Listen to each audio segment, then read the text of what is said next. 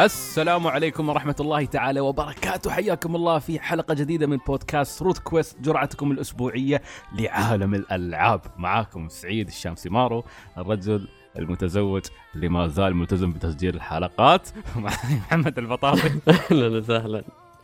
وسلطان المنصوري. وعليكم السلام. أهلا وسهلا. كيف حالك أبوي سلطان؟ وين أنت؟ آه، ما شفناك من, من فترة. مصر تطلعها السالفة يعني. هي لا اللي بعده، ما- اللي بعده، ما اللي بعده. تتصنع أوه هيل نو ما بخليها. بس عموما لا. إله إلا الله. هذا شأن داخلي ما بنتكلم عنه الحين. الله. آه مبروك سلطان وصلت الفضاء ما شاء الله. الله يبارك فيك. الله يبارك فيك. وما شاء الله شليت وياكم كندورة وغترة وشالين وياكم أول مكبوس يط- يطلع إلى الفضاء. أوف أوف أوف. نحن لازم السباقين في كل شيء. وصورتوا كثبان ليوا. الله يطول عمر شيوخنا. زين. انت ليش فخور هالكثر؟ انت مالك خص في الموضوع، انت حتى ما صرت ليوا في حياتك يمكن. تعرف هذا ال- ولا أقول بلاش. Okay. That's too personal خلاص. سجل طيب آه. آه، فحلقة اليوم عندنا الحمد لله. الغريب حلقة اليوم فيها تجارب وايد وايد لدرجة إن حتى أنا عندي تجربة وهي مصيبة. معناته ال- القيامة قربت. في عندنا مستجدات الموقع محمد ما أتوقع في مراجعات جديدة ما عندنا أي شيء. مبارك. يعطي العافية بس Ghost Recon آه اللي محمد ابتلش فيها الحين أتوقع يسي يقيمها والله في تقييم صح كود ما نزل تقييمه بنزل اليوم إن شاء الله أو بكرة. okay حلو خلاص. خلصت يعني. جميل آه باكر بعد آه الأحد بينزل مقطع إن شاء الله آه موضوعه بيكون وقت ما ينزل أحسن بدل ما أقول الحين آه مشاري أيضا ماسك مقطع يشتغل عليه. آه حكيم قريب بمسكه مقطع. وأتوقع مقاطع الشهر هذا بتعيب المتابعين وايد إن شاء الله. ف stay tuned مستمعينا الأعزاء. وبعد بالمناسبة أشكركم على أنكم يالسين آه، حاليا تقيمون روت كويست تكتبون تعليقات في ال iTunes. فشكرا جزيلا. please استمروا. آه، نحتاج هذا الشيء لأن الفترة الأخيرة في ارتفاع رائع جدا في الاستماعات وفي التنزيلات. شيء يعني نحن فخورين فيه. فشكرا لكم. شكرا الله يخليك. فانت أنت وياي يا وغد من خمس من سنين ونص. شو اللي الله يخليك؟ ما أدري. واللي واللي إلى الآن ما علقوا. تعالوا قولوا السلام عليكم بس لا تقولوا شيء بنقول عليكم السلام. هي بس كتبوا تعليق نفسي في الموقع أو في تويتر. تروعين ف. ف والله واحد الحلقة اللي خطفت آه، قال قال أنا بد... أول مرة أعلق بعد ما بدأ سعيد يهاوشنا. عموما آه، سلطان طبعا أنا متأكد بتكون عنده تجارب رعب صح؟ آه للأسف ما كنت متوقع أصلا. كان شو- بقول يعني؟ يا أخي الموقف يضحك. أنا بقول لك شيء. تدري مم. إني خبرتكم قبل يوم قبل كم يوم يوم حلمت آه، إن حد يروغني؟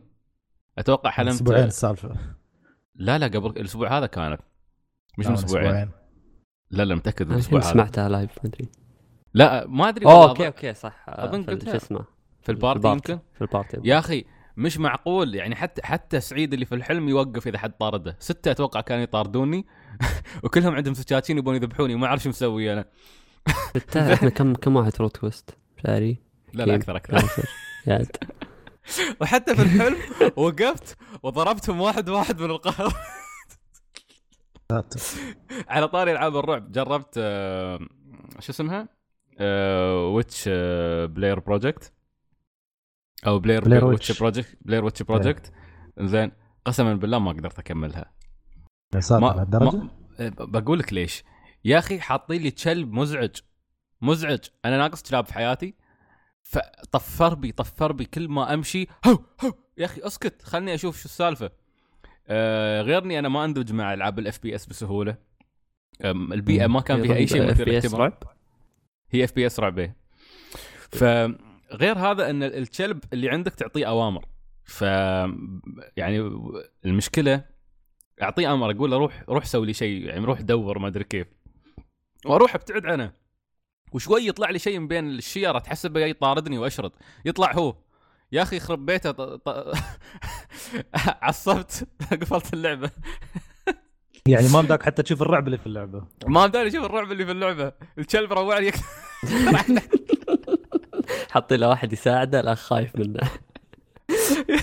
يطلع يطاردني. ولا ومزعج مزعج والله ازعجني فقلت تدري إفت. ما اشطبها بس أمس نزل ال demo مال Doraemon Story of Seasons يا أخوان يا أخوان يا أخوان. حياتي هل أنا- ترى؟ سأذكرها مهما جرى. ام تخون الذاكره لتصبح حلما. معلش شوي طفولة متأخرة يا شباب سامحوني. اسفين اسفين لا لا لا لا لا. ستبقى في عالمي. خلاص يلا. طبعا اللي ما يعرف هاي أغنية عبقور الجديد بس عاد النسخة الجديدة سموها Doraemon. عموما Doraemon Story of Seasons من من كم يوم أشوف أشوف اللعبة تطلع لها إعلانات قلت ودي أجربها. ال Story of Seasons اللي يعرفها هي أصلا Harvest Moon بس غيروا اسمها فصار Story of Seasons الحين. ف Doraemon crossover بين Harvest Moon وبين سلسلة آه، Doraemon.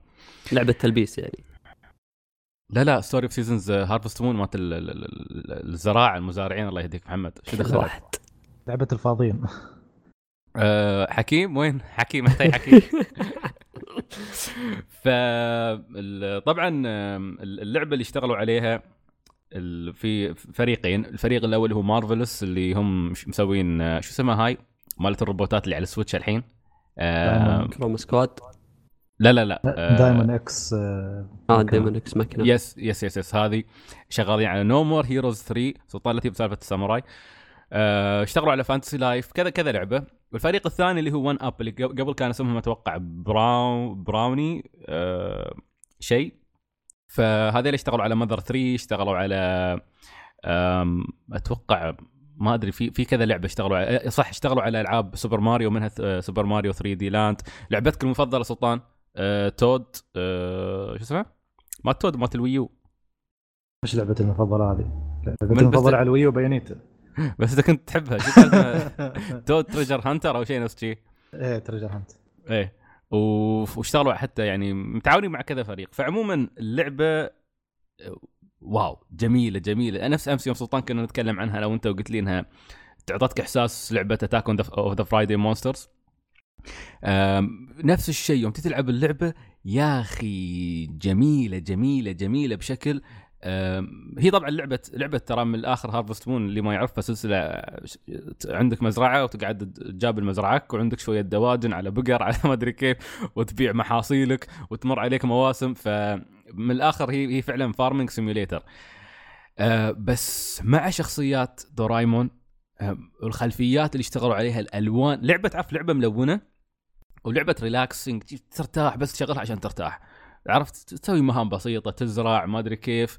آه، بس مدموجة بالمغامرات الظريفة مال دورايمون آه، طبعا اللي ما يعرف دورايمون أو عبقور عبقور هو عبارة عن دمية من المستقبل يت آه، إلى إلى الماضي عشان تقابل أو خلينا نقول إلى الحاضر عشان تساعد شخصية clumsy اسمها نوبيتا. فعبقور. مثل روبوت قطوة أتوقع هذا حلم سلطان يكون عنده واحد. وعنده أدوات حق كل شيء حق كل شيء في الحياة. فكان يساعد نوبيتا عشان يقدر نوبيتا يعيش حياته كطالب عادي. فتخيل إنك أنت هني عندك عبقور يجي يعطيك أشياء تساعدك في اللعبة. فمثلا يجيك ال- ال- العمدة مالت المنطقة ويقول لك يقول لك طبعا هم هي القصة انهم راحوا فجأة عالم والعالم هذا كله فيه مزارعين وما أدري كيف. فيجيك العمدة ويقول لك أنا الحين أريدك في ثلاث أيام تطلع لي نبتة معينة محصول معين. يجيك عبقور يقول لك هو أنا عندي المادة اللي اللي تسرع المحاصيل ويطلعها من من جيبه ويعطيك إياها. ف ال ال يعني الجميل إنها إنها مبسطة مش نفس مش بالعمق اللي كانت في Harvest Moon أبسط في مهامها وهذا الشيء اللي يخليها حلوة وممتعة بالنسبة لي. أنا أتوقع بعد Dragon Quest Builders بالذات بعد ما أضافوا عنصر ال- ال- الزراعة. استوى عندي soft spot حق شو اسمه حق حق الزراعة الافتراضية. الزراعة الافتراضية. لا وعلى فكرة تصدق أنا من فترة أفكر أشتري بونساي اللي داخل Kinokuniya هاي الصغيرة.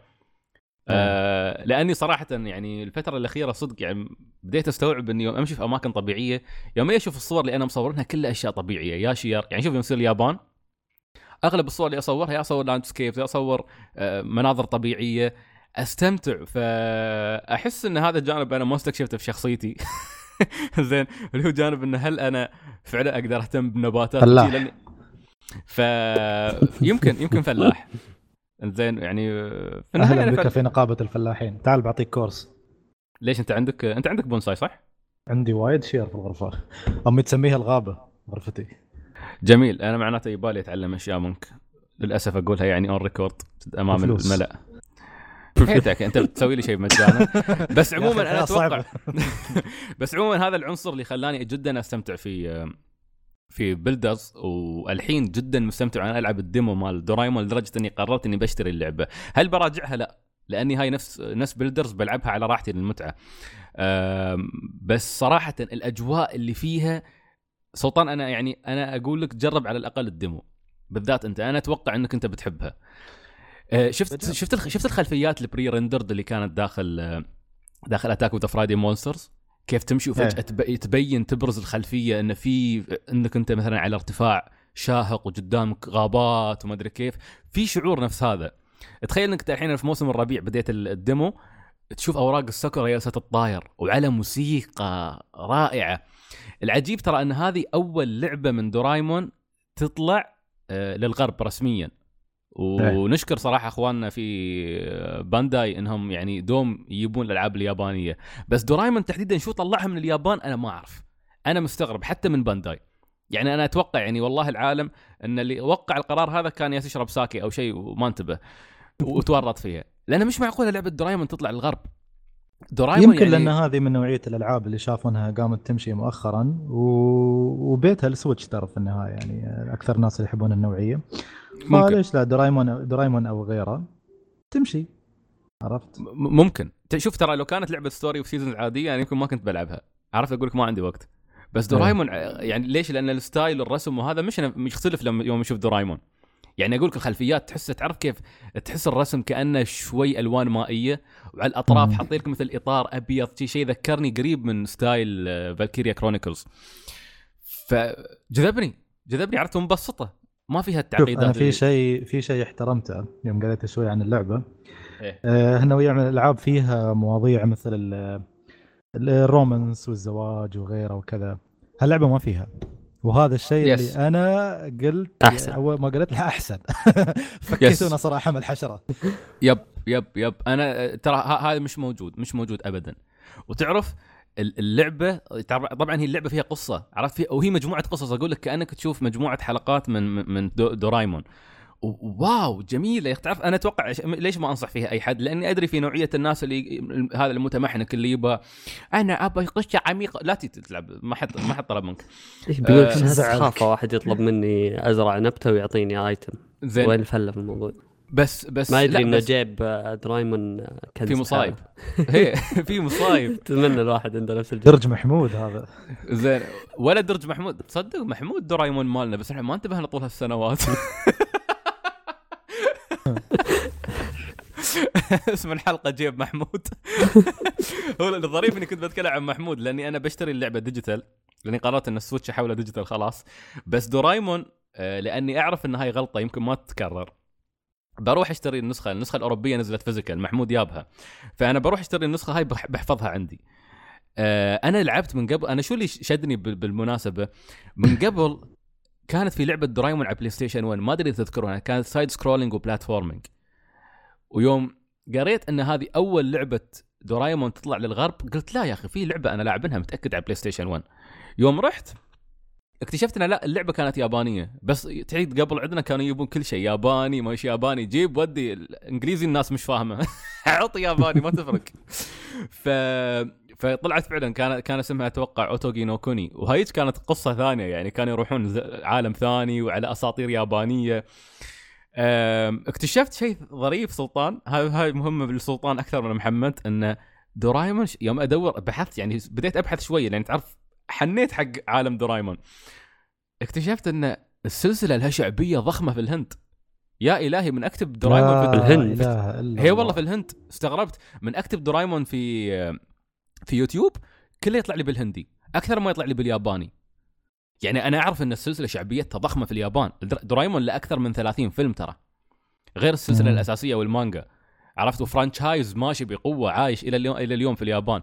بس يس. العجيب كيف إن في الهند شعبيته ضخمة ضخمة ضخمة. يعني أنا أدور معلومات حد مسوي من الأجانب عن دورايمون حد بتعرف من يونك بعض الناس اللي يتخصصون في الأشياء هذه اللي ما تكون مشهورة وايد. لا كله بالهندي. أنا نزلت في في أشياء يعني سبحان الله. خصوصا مثلا أبطال الديجيتال. من أكثر جنسية في العالم تحب أبطال الديجيتال. لا تقول عرب. لا ما بتتوقع. إندونيسيين. إندونيسيين. يحبون أكثر من اليابانيين وأكثر من كل حد في الدنيا. تحصل. فيديوهات احسها هذه على. شو اسمه نفس وضعنا مثلا مع أفلام كرتون القديمه اللي تدبلجت وجات عندنا هي أكثر شيء أيوه عرفونا صح. يعني. ترى على فكرة جراندايزر هني مثلاً يموتون عليه أكثر من اليابانيين اليابانيين أصلا ما يحبون جراندايزر مازنجر. اللي بالضبط مازنجر كوجي كابوتو اللي نحن شفناه كشخصية جانبية في جراندايزر هو أصلا أساس ال- ال- ال- حب الناس حق آه، أعمال جوناجاي ف واصلا واصلا يعني هاي حتى سمعتها في حلقة هاوزوفي كانوا الشباب يتكلمون عنها. آه، ترى كوجي كابوتو ما حطوه إلا بس على أساس إنه يمشون ال franchise مال جراندايزر شوي. تعال قول لا- للناس هنا كذا هالكلام. وين عندنا عندنا نحن مازنجر ما مشى أصلا ما ما يعني اي بالضبط. ابدا ما مشى. ف... فعموما أنا حتى نزلت فيلم حق آه، دورايمون اسمه Stand by Me Doraemon. آه هذا اللي أخرجه نفس اللي أخرج فيلم Dragon Quest 5 اللي نزل قبل فترة في السينما اليابانية. آه ويقولون ترى دورايمون يعني في قصص وايد حلوة وبعضها جدا emotional ودرامية.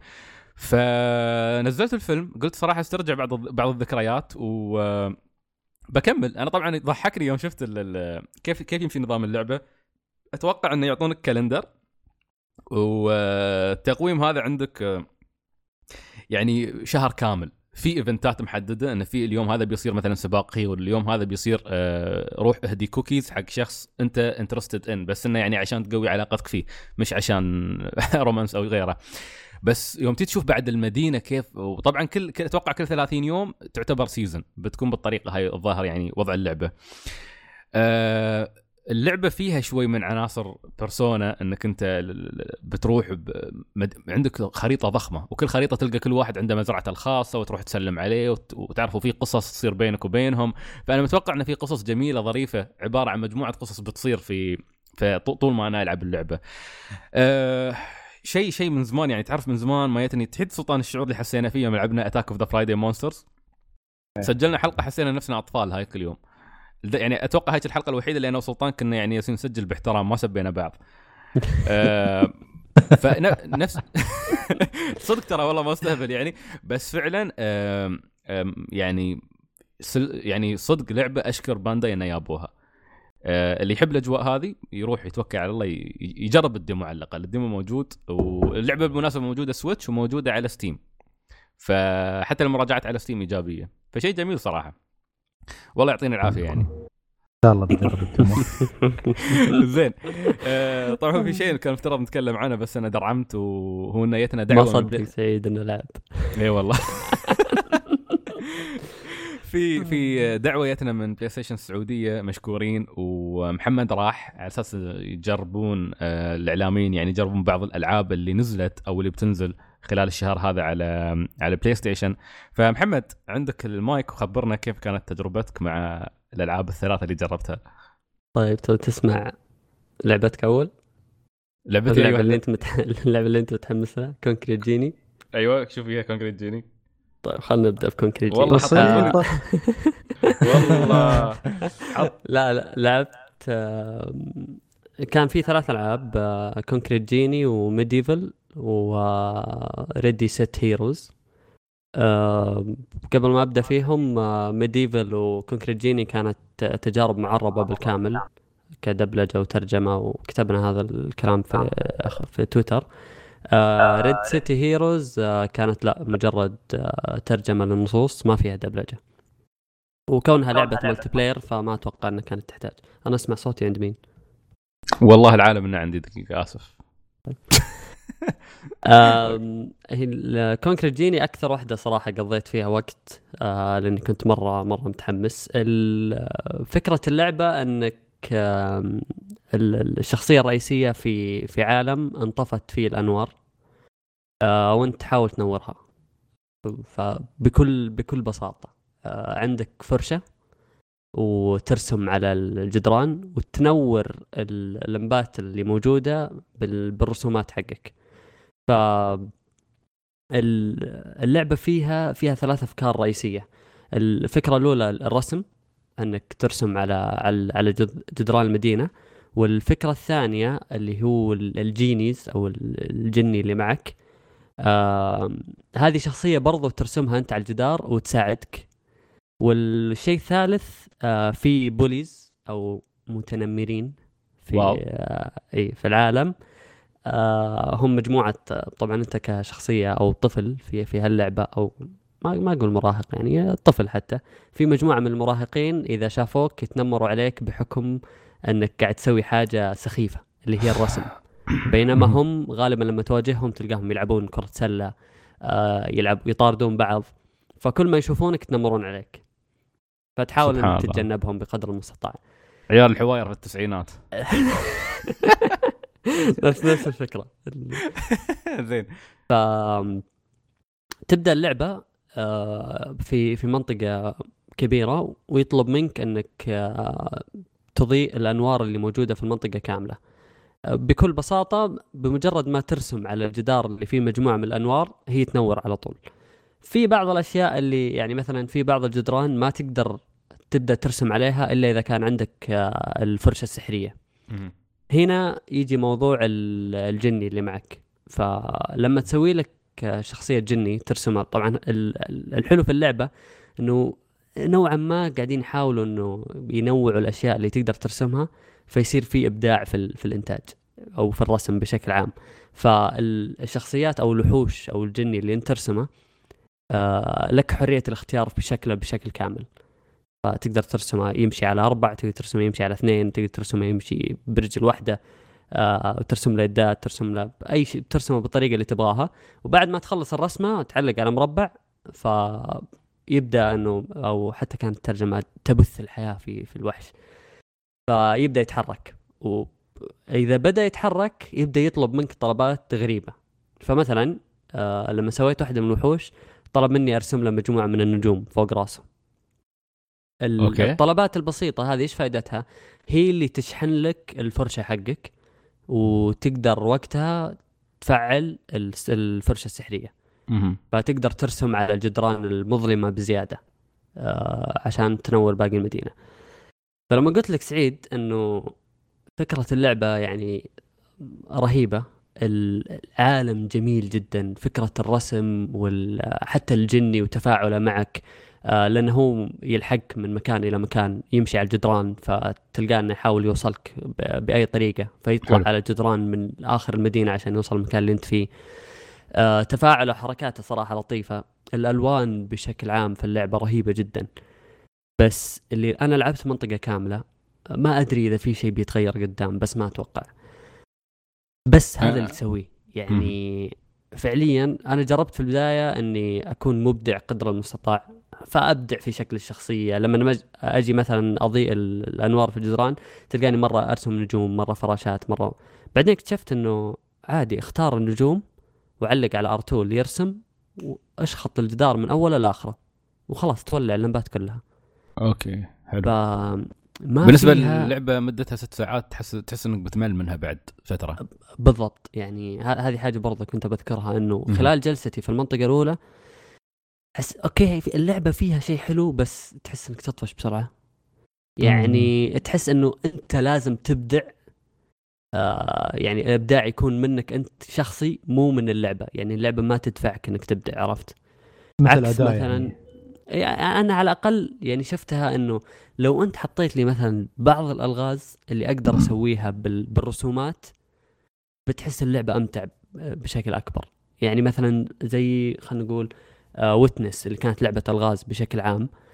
آه، كان فكرتها جدا بسيطة. وصل الخط من المكان ألف للمكان باء وانتهينا. بس الإبداع وين؟ إن اللغز نفسه. كيف طريقة توصيل؟ إيش الشيء المختلف في المربع اللي قدامك عشان توصل اللي يمنعك إنك توصل للجهة الثانية. أحيانا تكون عوائق أحيانا تكون متطلبات وما يقول لك إيش هي. هنا لا. هنا هنا فعلا يعني آه، استخدمت استخدمت نوع واحد من الرسومات اللي هي النجوم وتقدر تستخدم تقدر تستخدم أشجار عشب آه نخل آه فراشات أي شيء. لأن انواع الرسومات اللي عندك برسومات عامة اللي هي الطبيعة وغيرها وفي الرسومات الخاصة بال- بالجني. فالجني له مناطق محددة تقدر ترسمه فيها وتقدر ترسم أكثر من واحد في العالم بحيث يصير الوصول للفرشة السحرية أسرع. فأي واحد تلقاه عليه علامة استفهام تروح تلبي الطلبات اللي عنده يقول لك والله ارسم لي شجر. ترسم عشب كذا تحت رجوله. أحيانا يقول لك ارسم لي نيران فترسم له زي ال campfire جنبه. طبعا هذه كلها قوالب جاهزة. يعني ما أقول لك انه حتى مثلا حاطين لها تفاصيل محددة إنه والله لازم ترسم مثلث وترسم تحتها دائرة عشان يطلع مثلا ال campfire. أو مثلا لازم ترسم على الأقل شيء قريب من الشجرة عشان يطلع شجر. لا مجرد ما تضغط ار2 واسحب من اليسار لليمين وخلاص يطلع الشجر من تحت لفوق. ف يعني تحس اللعبة فيها شيء لازم يضيفونه يدفعك إنك تبدع أو شو على الأقل لو شوي على الأقل حتى في الرسومات البسيطة. يعني لما أجي أرسم مثلا خلينا نقول بيت خلني أسوي مربع أسوي باب أسوي شباك أسوي أي شيء وبعدين وريني أنت كيف يطلع في اللعبة. مو مجرد إنه والله أنا عندي قالب جاهز وخلاص اضغط R2 مهم. ويطلع لي. عشان كذا هذه هذه نقطة يعني أه تحس اللعبة أبسط بكثير من اللي أنت تتخيله. لما تبدأ اللعبة تقول عشان قلت لي أنت وايد وايد بسيطة. اي بالضبط. لما تبدأ اللعبة يعطيك مهمة إنك تسوي جني. هنا تبدأ تتعلم الموضوع. فرسم الجني آه، هو أكثر شيء مفصل في اللعبة فيعطيك أول شيء ال body الجسم. ترسمه بالشكل اللي تبيه. آه بعدها يعطيك الأطراف. آه وعندك الأطراف خيارات كثيرة. ذيل رجول أيادي قرون وغيرها. وتبدأ أنت تسويها. فما كنت ما كنت فاهم إيش السالفة وقعدت أحوس. قلت أوكي شكل اللعبة فيها تحتاج إنك تكون رسام يعني. أو على الأقل يكون عندك فكرة عن الرسم يكون في شوية إبداع. فقلت هذه اللعبة. بعدين قلت خليني أجرب أشوف إيش يطلع معي اكتشفت في النهايه الموضوع مرة سهل.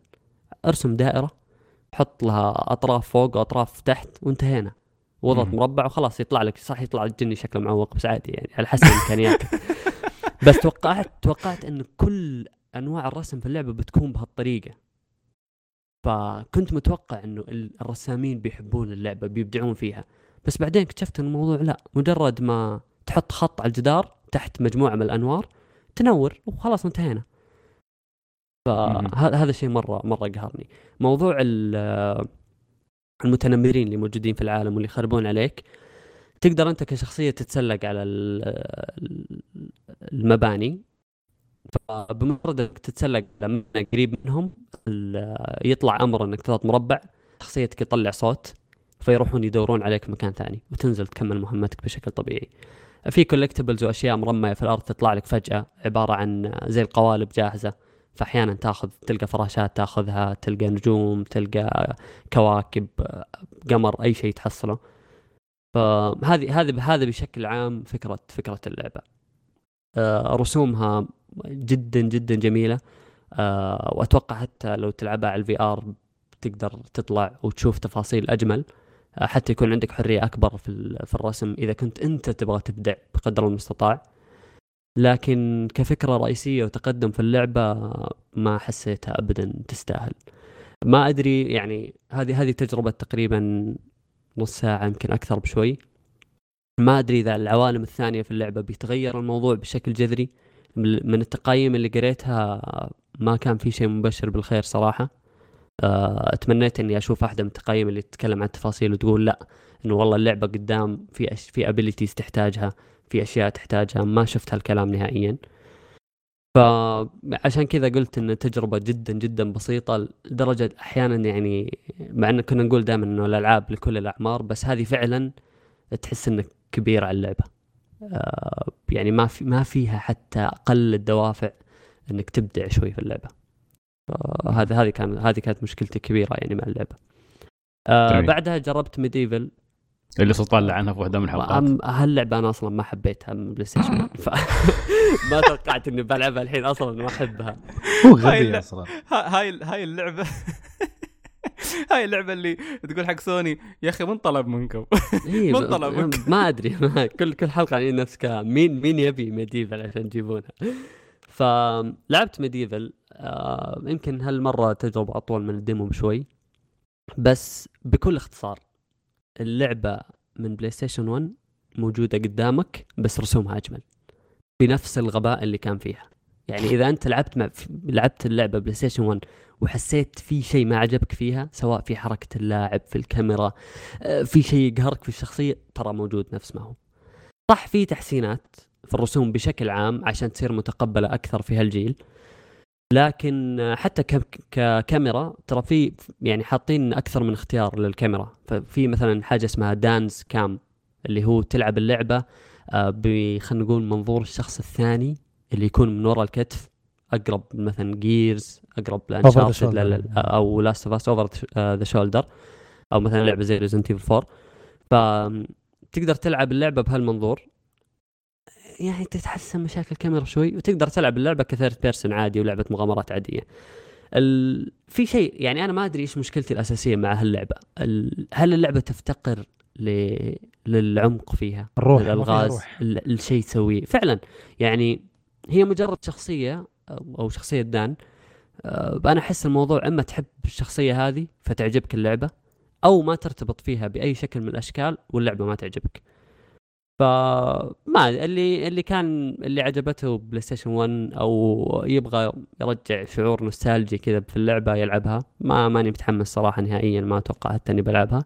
وحتى تجربتي ما كانت آه، إيجابية كفاية إنها تخليني ألعب اللعبة يعني. ففي ألعاب كثيرة أحس آه، بنفس البساطة والمغامرة وفيها عمق أكبر من اللي موجود في MediEvil آه، اللعبة الأخيرة اللي هي إيش كان نسيت اسمها بعد؟ Ready Ready Set Heroes Ready Set Heroes لعبة dungeon crawler multiplayer فكرة اللعبة بكل بساطة إذا أنتم أربع أشخاص تنقسمون اثنين ضد اثنين وترميكم اللعبة في dungeon ال dungeon هذا عبارة عن عشرة طوابق. طبعا كل فريق يلعب في dungeon مختلف. كل ال dungeons عشوائية طبعا randomly generated ويعطيكم timer تقريبا ثمانية دقائق عشر دقائق على حسب اللي تحطه أنت في اللعبة. ويعطيكم آه، وقت. إذا انتهى الوقت الفريقين يتقابلون وتصير معركة بينهم. المعركة مو ش... مو دائما تكون عبارة عن آه، قتال. أحيانا تكون mini game في خمس أنواع من المعارك. أنا جربت اثنين منهم. واحدة كانت pure brawl آه، قتال بحت. وواحدة كانت لا عبارة عن أنت في زي الحلبة دائريه وفي مجموعة من الأسماك القرش تدور حولك ولازم تضرب بعض الأشياء اللي موجودة في في الخريطة عشان مدري في ال map عشان ياكل ياكلونها الاسماك وأكثر فريق يجمع نقاط هو اللي يفوز. طبعا تقدر تضرب اللي ضدك تطيحهم تخرب عليهم من هالكلام. آه ال dungeons نفسها زي أي لعبة dungeon آه crawler عادية جدا. آه في مجموعة من ال gems تجمعها. هال gems تطور لك قدراتك؟ آه، ترفع لك ال health ترفع لك ال MP حق ال magic آه، تحصل أسلحة. آه، مو شرط طبعا توصل لل... لل... اللي هو الدور العاشر اللي فيه ال boss. تقدر توقف عند الخامس السادس تضيع وقتك في ال dungeon زي ما أنت تبغى لين ينتهي ال timer. لكن ال boss في ميزة إنه هو أكثر يعني شخص في في ال dungeon يعطيك أدوات فيعطيك ثلاث أدوات. و والأدوات مختلفة. في أدوات خاصة بال magic في أسلحة متنوعة في دروع آه في أشياء تأخذها زي القدرات ال passive. فهو موضوع فيه حظ شوية بحيث إيش اللوت اللي يطلع لكم ما يطلع الفريق الثاني. آه فيها نوعا ما استراتيجية بحيث هل أنت تضيع وقتك بأنك تجمع هالجواهر آه وتحسن قدرات شخصياتك أو تبدأ تطلع في الطوابق عشان تحصل دروع أحسن وأدوات أحسن. بالنهاية كل شيء ينحسم لما توصل لمرحلة البراول في النهاية وتتضاربون. لطيفة صراحة فكرة اللعبة لطيفة. يعني لعبة بارتي جدا جميلة.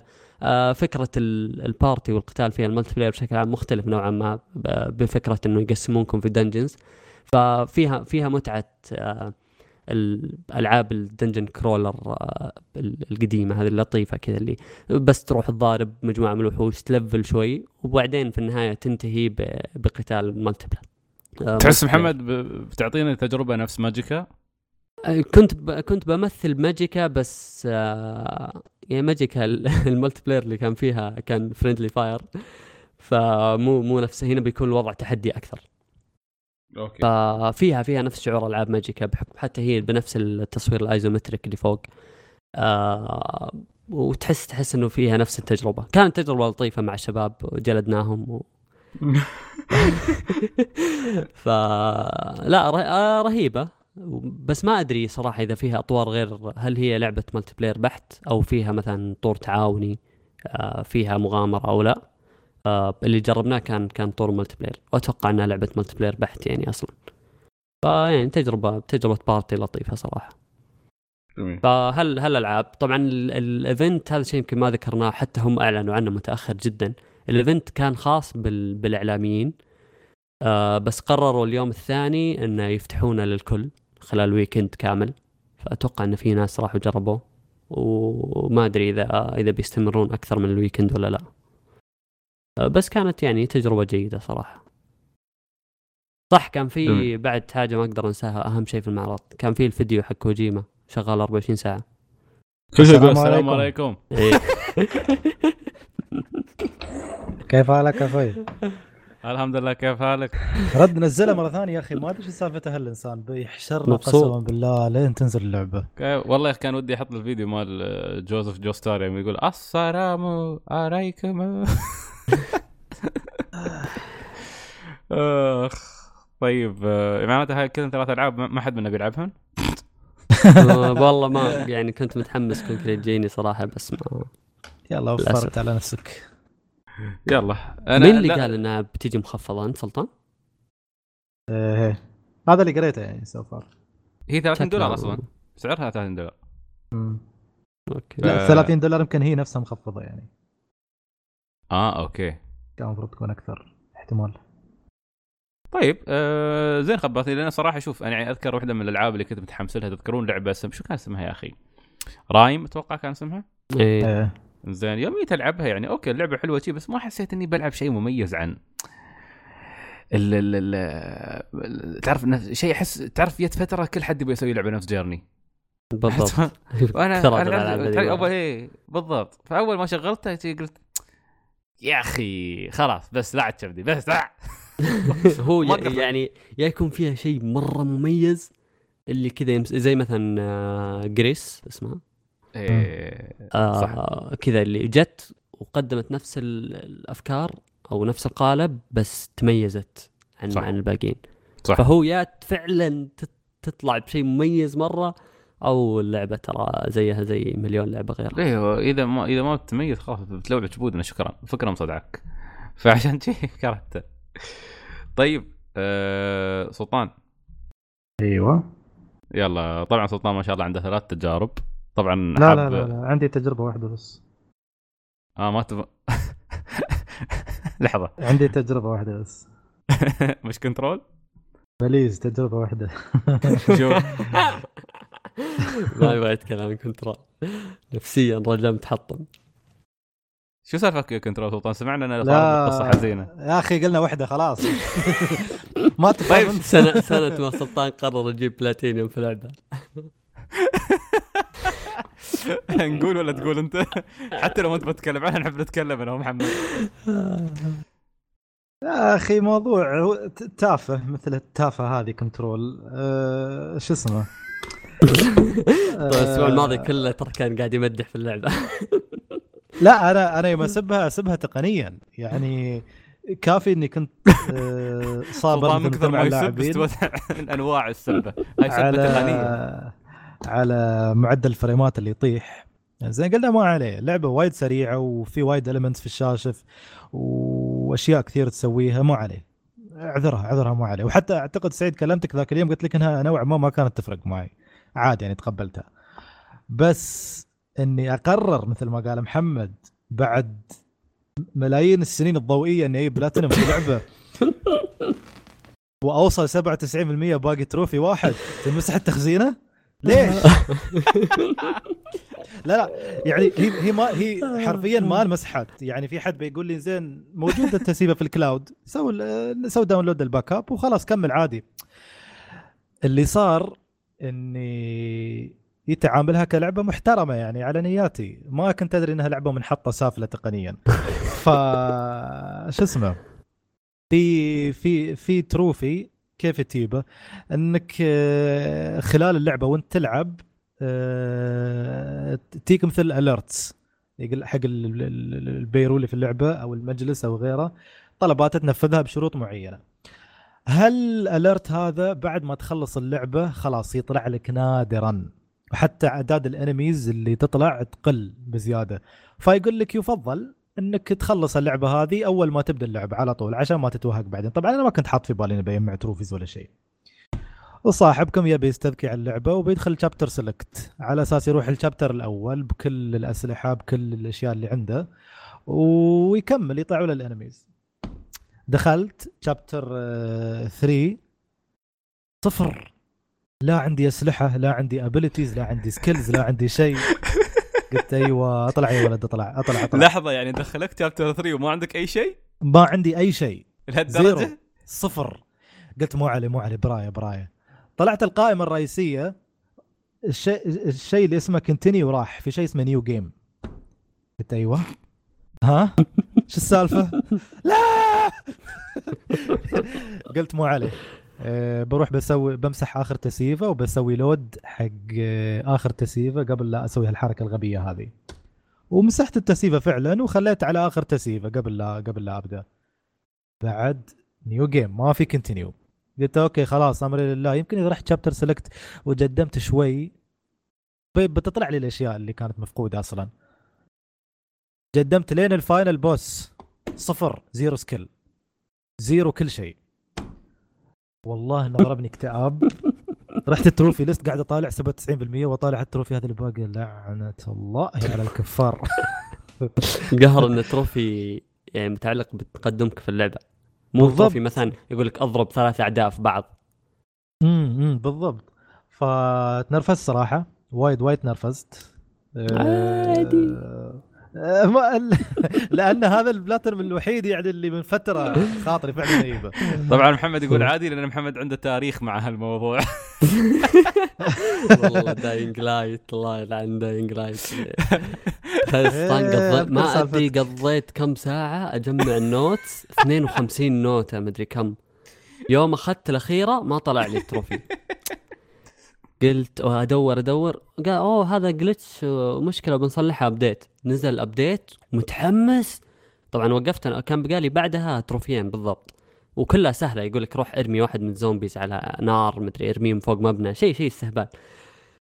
قلت يوم نزل update وأدخل اللعبة متحمس وأنتظر. كذا قعدت خمس دقائق في المنيو أنتظر يطلع لي trophy دخلت على الشخصية اللي أنا مجمع فيها كل شيء ما أعطاني إياه. سويت شخصية جديدة طالع لي إني أنا مجمع ال notes كلها. قعدت اطالع قلت طيب أدخل أدور. قالوا لا لازم تبدأ من جديد وترجع تجمعها من جديد. لا إله إلا الله. delete على الأقل أنت كم كم كان عدد ال notes؟ ما أدري 52 52 عدد ال note اللي في Control فوق 150 هي بس يعني وكان لايت عليها trophy. عالم عالم مفتوح كبيرة مرة. تقدر تدور. إيه. وهذه بعد تدور وفي في notes مثلا ما تقدر تحصلها لما تجيب skills معينة لما تطير مثلا. فما تقدر تطير عشان تحصل ال note اللي فوق. آه عموما أحس ما لي خلق أتكلم عن Control زعلان منها صراحة. ما ما بمدحها أحس بخوني. مدحته فكل اللي أقدر أقول إنه صراحة Control لعبة عظيمة. ال gameplay جدا مسلي ال gameplay جدا ممتع.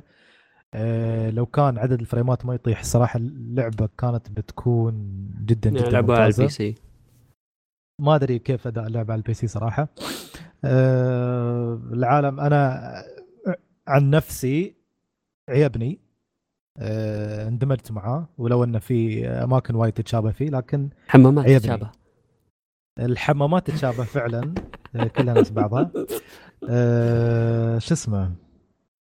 يعني كانت لعبة حلوة. ما- من زمان ما أدمنت على لعبة مثل هذه. أقدر أكو اكول لا حول سلطان شكلك آه. تقرا تقرأ تعليقات اليوتيوب وايد. اليوتيوب بالضبط. فشو اسمه أنا من فترة على فك... على فكرة يعني فقدت أملي بعالم الألعاب شوي. ما ما لعبت شيء بإخلاص الضمير من Sekiro يعني من شهر ثلاثة. الحين إحنا شهر عشرة. فتقدر تقول Control شوية ودي ألعب شيء زي جددت- كذا. جددت شغفي بالألعاب عرفت؟ ما ما استمتعت من زمان بلعبة مثل Control. جدا مسلية بالنسبة لي كانت. يعني لدرجة ان اندمجت مع العالم لدرجة إن مثلا آه، قمت قمت يعني أخصص ال- الأماكن اللي في اللعبة حقي أقول هذا المكان حقي هذا المكان حقي هذا المكان حقي هذا المكان اللي سويت فيه كذا هذا المكان اللي هزمت فيه ال enemy بالطريقة المعينة. أوه هذا اللي حصلت فيه ال item المعين هذا اللي كذا. لهالدرجة أنا اندمجت مع اللعبة. خلاص صار المكان حقي خريطة العالم حقي. ف please لعبوها. ما بس- ادري ليش توقعت إن Remedy بيقدموا تجربة قصصية هي بشكل هي مش مش, يعني مش قصصيا حلوة يعني مش كطريقة سرد مباشر أو كقصة تندمج أهم شيء حلو. حدث ورا حدث ورا حدث. من النوعية اللي في ناس ما يحبونها اللي هي النوعية السريالية اللي بعد ما يخلص الشيء تقدر تقعد تحط فرضيات ونظريات وتتأمل و آه أوكي. تقرأ ملف معين عن شيء صار من قبل تقول أيوه الحين فهمت يعني كذا وكذا وكذا. هالمكان هذا ليش بهالطريقة؟ ليش الإضاءة فيه بهالطريقة؟ ليش الفلان هذا يتكلم بهالطريقة؟ ما يشرح لك أي شيء من الأشياء هذه. بعدين تفهم يوم تفكر بينك وبين نفسك اللي ما يبغى يفكر بينه وبين نفسه وداخل على gameplay اللعبة بالنسبة له بتكون قصصية من أزبل ما يكون. هذه يعني شيء لاحظته. يلا يلا بعد كذا شهر واحد. السنة الجاية سوني يستحوذون على Remedy وينزلون على ال Plus نلعبها لهالدرجة مستحقر اللعبه أنا أنا عيبتني ثقه محمد إن الموضوع بيستوي. لا يمكن. آه طيب كان عندي التجربة الثانية اللي لعبتها قبل Control. هذه قصه الضحك يا إخوان. هذه اللي اللي, اللي يقول لك داش داش سوق خضرة واشترى واشترى لحم. يبغى خضرة واشترى لحم. آه Bendy and the Ink Machine ما أدري إذا سمعتوا عنها من قبل؟ آه بندي اسم الشخصيه Bendy and the Ink Machine أنا داخل عليها على أساس انها لعبه باجواء BioShock آه، فيها غموض فيها حل الغاز في كذا قلت okay أنا اجرب لعبه من منظور الشخص الأول اجواء BioShock آه، لعبه بالكامل لونها بني ما فيها الوان لون بني كآبة. حزين شوي كآبة آه، فيها غموض فيها موسيقى كلاسيكية زين. أجواء اللعبة أو قصتها في 1920 تقريبا أو 1912 آه، رسم كراتين القديمة؟ لا، هذا أجواء رسمها كيف بالضبط؟ نفس ألعاب تيل تيل كأنها سكتش هو هو قصة اللعبة إنها في عالم مرسوم سكتش زين. آه طلعت اللعبة لعبة رعب يا أخوان. وأخوكم آه مصدوم ما يعني كنت داخل. جاهز. آه ما كنت جاهز قصصيا ابدا. أبغى لعبة غموض. سبحان الله آه، سبحان الله ما في. فائده يعني. ما, ما في فايدة ابدا. غريزته تسحبه صوب الرعب. لا لا لأني شفت من ال- ما أدري إذا اكتبوا اسم اللعبة في جوجل بتشوفون Bendy يطلع لكم فوقكم شخصية تضحك كانها ميكي قاعد أشوف إيه. اي مبتسم يعني. لعبة غموض فيها شوية العالم من BioShock إنه والله الشخصية تضحك لك وغيره لكن هي بتخوف. Ink Machine زين. فكرة اللعبة. ترى جد ما في شيء يبين انها لعبه رعب هي بالضبط.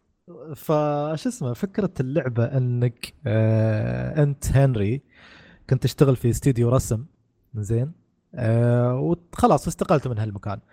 بعد 30 سنة بعد 30 سنة ربيعك اللي اللي أسس هالمكان هذا وما زال يشتغل في هالمكان يطرش لك رسالة يقول تعال عندنا الاستديو في موضوع مهم أباك آه تعرفه بخصوص وظيفتك. قوة. طبعا تخيل تخيل تخيل تخيل هذا الكليشيه مال قصص الرعب. تخيل أيوة. تخيل سعيد في في المكان اللي أنت تداوم فيه الحين بدون بدون ذكر أسماء أه تستقيل منه. بعد 30 سنة يجيك الاتصال من مدير ال HR يقول لك سعيد بخصوص وظيفتك وشغلك اللي كان ويانا قبل 30 سنة تعال شرف عندنا الدوام بنتكلم عنه. شو بي في بالك؟ فلوس. بيسأل لك كيف عايش. الادمي أصلا. ب- بي, بي, بي في بالك إنك مصيبة سويتها قبل 30 سنة تو اختلاس. يكتشفونها آه، توهم اكتشفوها. وتعال بنحاسبك عليها. shit. ويروح هنري. ليش كنت تلعب Pokémon Black and White أول ما داومت فش اسمه؟ فيروح هنري المسكين الاستديو يلاحظ الاستديو متدمر شوي أجواء كئيبة مخترب الناس مفقودين ما في حد وين الرسامين؟ وين اللي مسؤولين عن التسجيل والتمثيل وغيرها؟ وين الناس؟ فيطلع الموضوع إن في الثلاثين سنة هذه سمعة الاستديو طاحت. آه، الناس ما قامت تحب بندي اللي هو الشخصية الرئيسية آه، واللي يمثل آه، الاستديو. ما قامت تحبه خلاص. فالأخ آه، اللي ربيع هنري اللي هو صاحب الاستديو غروره ما سمح له إنه هو يصدق انه حان وقت التجديد ويلا آه، جدد الدماء في است- الاستديو اللي عندك طلع شخصيات زيادة شوف الناس شو تحب حاول ترتقي لأذواقهم شوي. لا مصر. أنتم لازم تحبون بندي للأبد لازم تحبون الشخصيات الموجودة بنفس الرسم بنفس الموسيقى لين تموتون. 100 سنة وفوق ما بنغير شيء. فاخترع شيء اسمه الإنك ماشين آلة الحبر. طبعا الحبر عنصر أساسي في اللعبة بما انه عالم سكتش وغيره. شو سوى الحبيب؟ يبى يضخ الحبر هذا في الشخصيات الكرتونية اللي عنده ويخليها حية. على أساس إن آه، شو اسمه هذا شيء جديد وما أدري كيف والناس بيحبونه. فأول ما بدأ الأخ بدأ بندي. طبعا بندي لأنه مصنوع من الحبر شو بيكون؟ بدون روح. فاول ما طلع بندي طلع وحش. فالموظفين ما رضوا فيه وما حد في الاستديو رضى فيه. عصب آه، الأخ وليش ما تقبلونه مثل ما هو؟ تفضل بدخلكم أنتم كموظفين كلكم داخل الآلة بصنع منكم حبر على أساس الحبر هذا يصير روح وأعطيها حق بندي على أساس على أساس يصير فيه روح والناس يحبونه. أوسخ من كده ما فيش. صراحة يعني قصة واحد نرجسي بشكل فظيع. فأنت تجي الاستديو وتشوف قصص الناس هذه يعني مثلا آه، اللعبة خلينا نقول مقسمة لخمس شابترات ال chapter الأول عن آه، فرانك الشخص اللي كان مسؤول عن الموسيقى. تدخل ال level حق فرانك تشوف أشياء متعلقة بفرانك أدوات موسيقية أصوات موسيقية تسمعها ما أدري من وين ألغاز لها علاقة بالموسيقى. وضرابه في الآخر مع فرانك وهو متقمص دور آلة موسيقية مثلا. أنا حبيت هالشيء هذا في اللعبة. الدور الثاني طبعا مثال. الدور الثاني مع الرسام تدخل ال level حقه يحول لك الشخصيات الأشياء حية تهاجمك يرسم لك شيء يهاجمك حبيت هالشيء في اللعبة. يعني أحس في في في شيء مميز. أجواء بايوشوك بصراحه حسيت فيها موجودة فيها. الموسيقى الكلاسيكية القديمة. عنصر الاستكشاف الغموض الشخصيات ال- ال- ال- ال- الثنائية ال- ال- الأهداف اللي اللي تكلمك. ها أهلا. ووينكم من زمان ما شفناك كذا. بس تعطيها ظهرك يطعنونك. يطلع عندهم آه، هدف ثاني. ف أنا هذا صراحة شيء احترمته في اللعبة خصوصا انه ما في قتال.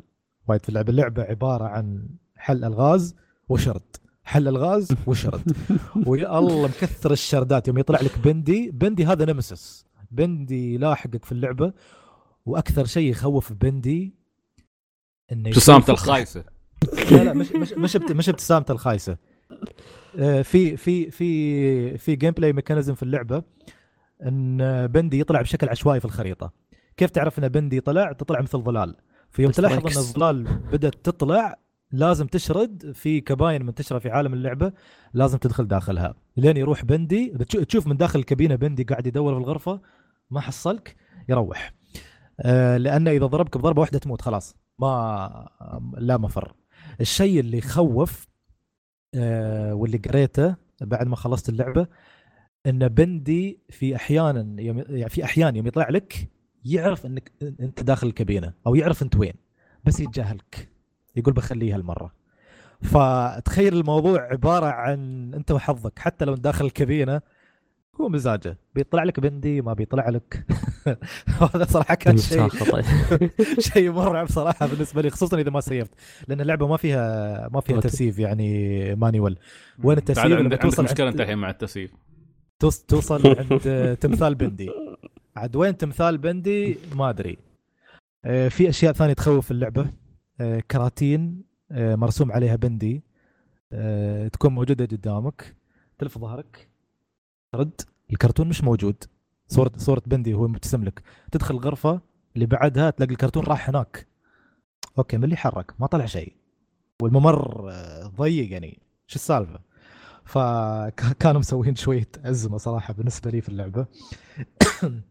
آه، الشخصيات اللي موجودة في اللعبة حلوة. وقصصها. خصوصا يوم تسمع ال audio logs اللي موجودة وكل واحد ليش صار وحش. واحد منهم مثلا يبغى يرضي بندي آه، فقام ضحى بروحه عشانه وبندي ما بيرضى عليه آخر شيء أصلا. فتشوف قصته مع بندي كيف تشوف وحدة تسمع قصص الاستديو حتى من قبل لا يطلع بندي وكيف هم كانوا بيفلسون والناس ما تحبهم وما أعرف كيف. فحبيت أجواء بايوشوك هذه اللي طبقوها في اللعبة. واضح إنها inspired بالجو من من من باي شوك. أه، ما ما أدري شو بقول لك زيادة على اللعبة يعني العبوها يعني صح إنه مبين ميزانيتها مش ضخمة وعالمها ما في تنوع لأنه كله باللون البني وكله عبارة عن سكتشات بندي منتشرة هنا وهناك. أه، في أنواع من الأنميز تختلف. الأنمي اللي إذا شافك لازم تشرد منه. ما ينفع يلمسك لأنك بتموت على طول. الأنمي اللي يدور عليك بالكشاف في مكان مظلم بس تشوف كشاف. واحد حط كشاف على ظهره ما على رأسه ويدور عليك. وإذا شافك تسمع صرخة "آه!" ويبدأ يركض وراك. والركضة أصلا بطيئة في اللعبة. okay إذا ركضة بطيئة بطيئة okay. ممكن. أنت أنت أنت ركضتك بطيئة. هو آه سريع. no shit أنت اللي ركضتك بطيئة. وهو سريع وتشوف الكشاف من وراك لأن الدنيا ظلام فتشوف الكشاف يتمرجح يمين يسار يعني تقول هذا أقدر بيذبحني أضرب. خلاص يبي يأكلني وما تقدر تضربه ما تقدر تسوي له شيء ف اللعبة قصيرة صح؟ آه، اخذت مني تقريبا ست ساعات أنت لعبت على السويتش؟ اعتبرت لا لعبت على البلاي ستيشن 4 صراحة ست ساعات بالنسبة لهالتجربة كانت وايد لأني تعبت نفسيا كل شوية أوقف و... وخلاص واصلا هذا ال enemy broken يعني تي من وراه بندي؟ آه لا هذا أبو كشاف. لا آه، بندي broken من يومه. يعني كيف تطلع لي بشكل random وبضربة واحدة أموت. هذا يعني خلينا نقول عنده عين واحدة بس. وأنت وراه بالضبط بزاوية 90 المفروض ما يشوفك. إذا تحركت لزاوية 89.9999 بيشوفك وبيصرخ الصرخة وبيركض وراك. اركض وراه رد وراه بترد حق خريطة قديمة. فيها انميز أنت أصلا شارد منهم من قبل. وين بتروح الحين؟ اللعبه تنرفز والله العظيم أنا تعبت منها. ما تقدر تضارب. حلوة. ما تقدر تضارب. نا- نادرا يعني. حتى يمكن ت- إذا استخدمت السلاح مرة واحدة أعتقد إنه كان ينكسر أو يط- يطيح منك وما شيء يصير فيه يا ساتر. ف أعطوها فرصة. وفي صح أعلنوا عن sequel اللعبة ليش؟ لاقت استحسان بشكل بشكل غير متوقع. كانوا مسمينها. هيك- هم كانوا معتبرينها نجاح مفاجئ. ما كانوا متوقعينها تنجح. هاي sleeper hit صدق. وأعلنوا عن الجزء الثاني اللي واضح من عنوانه منو بيكون آه، فيه. ف... يا أخي. ها؟ جالس أشوف مقطع. زين واحد. جالس يمشي في ممر. أوكي هو الشخصية الرئيسيه يمشي في ممر. زين. وقدامي باب بس مفتوح. فجأة طلع راس بندي. وأنا أنا أنا طالع جالس أقول جالس أقول فك فك فك.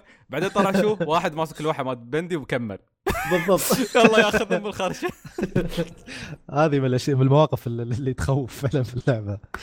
آه، أنا أقول لا تلعبون أو لا تتريون الجزء الثاني حاليا لأن هي تنزل بنظام حلقات. والجزء الأول بين الحلقة الأولى والحلقة الخامسة والأخيرة سنة وعشر شهور. فالحمد لله. أنا لحقت عليها يوم خلصت. ولعبتها ما أدري إذا بيسوون نفس الشيء في اللعبة الثانية. المفروض أول حلقة تنزل اخر هالسنه بس سلطان واضح ال lore مال القصة جميل. يعني أشوف الناس على اليوتيوب قاعدين يحللون. في cult طلع على إيه. اللعبة يا رجل. في في الناس يطلعون فرضيات ونظريات. يا ساتر. إيه. وفي في ناس سووا سووا لها مثل سووها على style ماينكرافت. لا واضح إن. الناس حبوا حبوا اللعبة. في إيه، في. لو لو لو بتتغاضى عن ال- ال- ال- الميزانية الضعيفة اللي في اللعبة ممكن بتحبها لأن العالم صراحة يخليك تندمج معاها. تسمع قصص الرسامين والعازفين قصة صاحب الاستديو وكيف غرورة سوى فيه هذا كله لين وصل لمرحلة إنه خلاص ما يعني يعترف بغلطه غصبا عنه. فهو أصلا يوم قال لك تعال الاستديو ما كان يقصد إنك آه، تشوف شو صار. يباك تنقذه من غرورة مش قادر أصلا ينقذ نفسه. حلو. أنا عجبني ال lore اللعبة صراحة. حبيتها. جميل. أعوذ بالله شو الاشياء اللي تطلع من الحبر؟ إيه، غريبة غريبة كانت. كل شيء كل شيء تشكل. من الحبر. أنت بت- أنت تحسب لو لعبت اللعبة ب- بكملها؟ أنا أنا بس أبى سعيد يصير عنده أبو كشاف هذا. أبغى أشوف شو يسوي. يا أخي تصدق؟ أنا أنا شو بسوي بعد؟ بسكر اللعبة لين ما أقدر أو بخليه يذبحني وخلاص ما بس اذبحني تروغني أنا أقول لك كلب حاطين مرافق حقي حقي داخل هايج وسكرت اللعبة. أنتم ما أنتم ما لاحظتوا؟ اني عقب ما انزعجت من شو اسمه؟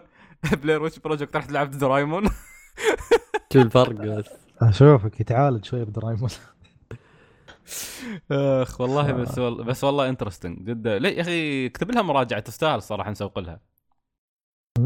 اكتب لها مراجعة تستاهل نسوق لها. لعبة من 2017 قديمة ترى. والله. 2017 إيه. أوه تحسب أنا شو اسمه؟ أحلى شعور يا أخي لما تكون في لعبة قديمة تكتشفها وتطلع حلوة. يا سلام. طبعا على قولة سعيدة اطلعها كانها لعبتي أنا توني اكتشفتها. تو تو لا. لا لا مش هذه مش مش شي العاب مش شي مش إحنا نقول لك عنها و yes بالضبط. سلطان ألعب اللعبة الفلانية. أشياء رهيبة. لا يا أيوة. شيخ قاعدين نقول أنا سنة لا ومرات خارك يعترف يقول أنا كلب. أنا أنا كلب أنا سبيت اللعبة. يعني يخرب عليك ما يعطيك حتى المتعة إنك أنت تهزئه أيوه هذه الاستراتيجية الذكية اللي يسويها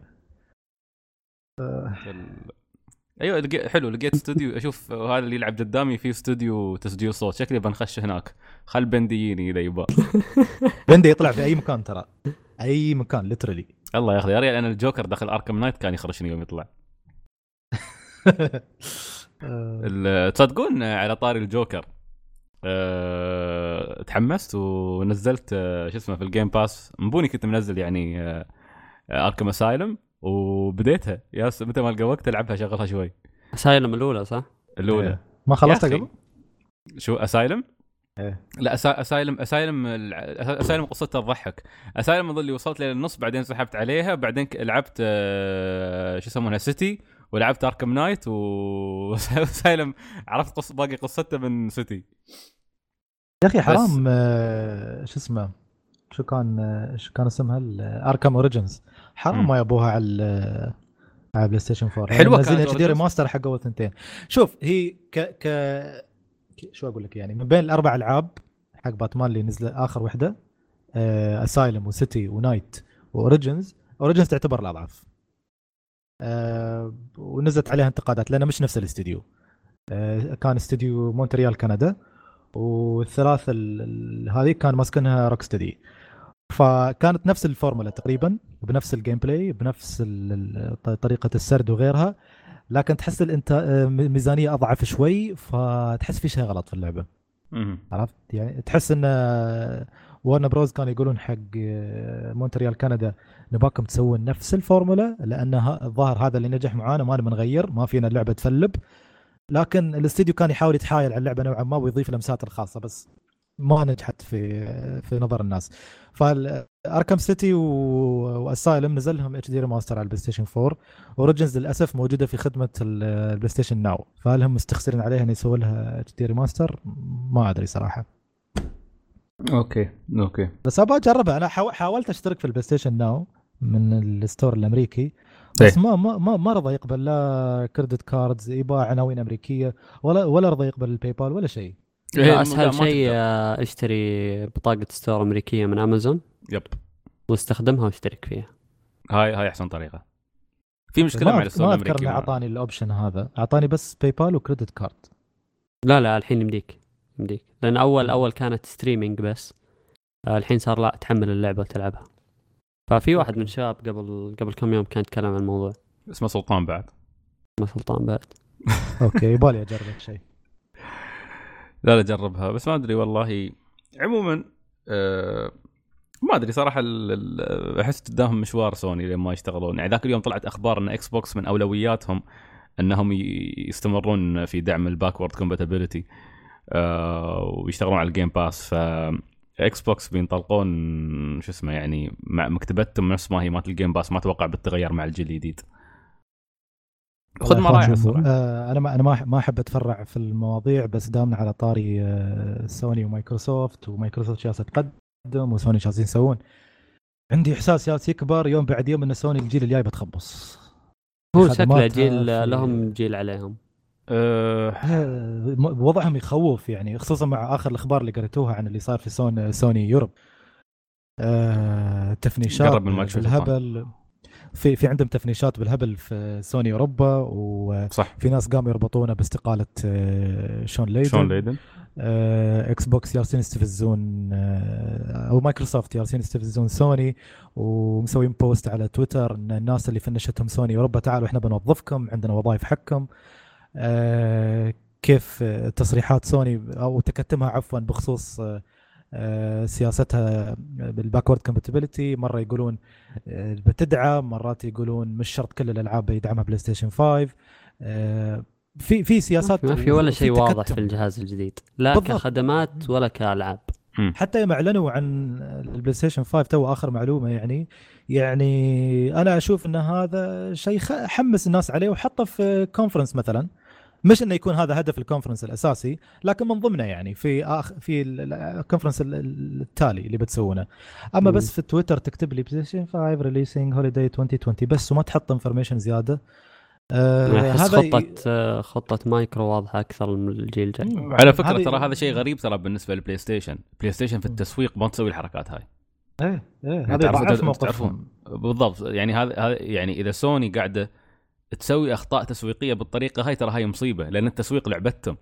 إذا سوني ما تعرف تسوق من يعرف يسوق في العالم. ف... فشيء غريب ترى شيء غريب جدا فعلا. يعني. ترى موضوع باكر موضوع فيديو باكر أصلا عن هالسالفه يعني هل- الشباب مشغولين Death Stranding يسوقون لها. ال-. ترى يعني شوف حتى كلامهم مؤخرا كلام جيم راين يوم قال انه آه، لا Ghost of Tsushima أنا أكد لكم إنها بتصدر على PlayStation 4 هذا كلام ترى ترى مبهم. لأني أنا رحت أشوف أشيك نفس ما طلع الخبر هذا رحت أشيك صفحة التوظيفات مالت آه، الفريق اللي يشتغل على Ghost of Tsushima اللي هم Sucker Punch آه منزلين إعلانات حق أكثر يمكن من سبع ثمان وظائف وبعضها رئيسية. اساسيه بالضبط. يعني يبون producer منتج متخيل؟ يبون منتج. آه يبون مصمم شخصيات رئيسي lead آه يبون quality manager quality assurance manager يبون testers يبون أنا أت... أنا ما ما أتوقع إن في في هالوظائف سنة ان اللعبة تنزل ما أتوقع. مستحيل لأن شوف إذا أنت بتنزل لي Last of Us شهر اثنين زين بين شهر اثنين وبين شهر آه، 11 أو 10 اللي بينزل 11 في الجيل الجديد ما سوني ما تشتغل بخطة تسويقية بالطريقة هذه. يعني نحن ترى Ghost of Tsushima ما شفنا منها إلا teaser وشفنا منها فيديو ما واحد بتخلص اللعبة ما أتوقع بتخلص. ما مستحيل. أنا أشوف اللعبة هاي أكيد راحت next gen 100% يعني هو, هو الف... يعني أو أنا ماني فاهم. ال... يمكن الفكرة التسويقيه إيه، يبونها إلا- لعبة إلا إذا كلامه إلا حتى ما أتوقع إنها بتكون إصدار. يمكن تكون آه خلال أول ستة شهور للجيل الجديد وينزل لها نسخة على ال four. yes yes يعني نفس نظام نفس نظام ألعاب ال PlayStation 4 اللي نزلت في البداية اللي كانت موجودة على 3 لين وقفوا الدعم وصارت خلاص. انتقلت كل الألعاب. yep يمكن مقصد من كلامه إنه بتكون موجودة على ال four. بس هذا مو معناه إنها بتجي قبل ما يجي الجيل الجديد. صحيح. وهذا أنا- هذا هذا الشيء المنطقي.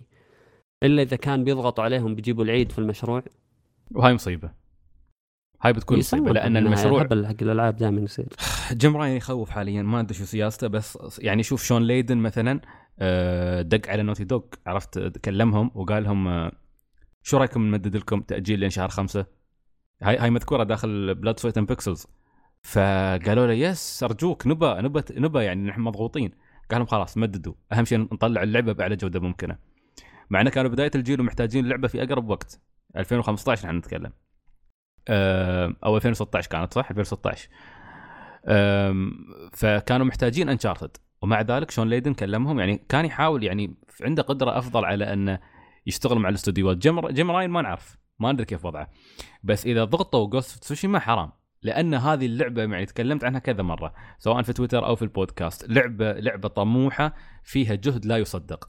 أه وفريقين شغالين عليها واحد في اليابان عشان الظاهر يعني يطلعون اللعبة يابانية بأفضل طريقة ممكنة وفي نفس الوقت فريق Sucker Punch قاعد يشتغل على أكبر مشروع له في تاريخه. أه و Sucker Punch ترى يعني استوديو من يمسك سلسلة يبدع فيها. مسكو Infamous نزلوا آه، ثلاث أجزاء منها رائعة. أه مسكو Sly Cooper قبلها وثلاث أجزاء جدا رائعة. فريق جدا رائع.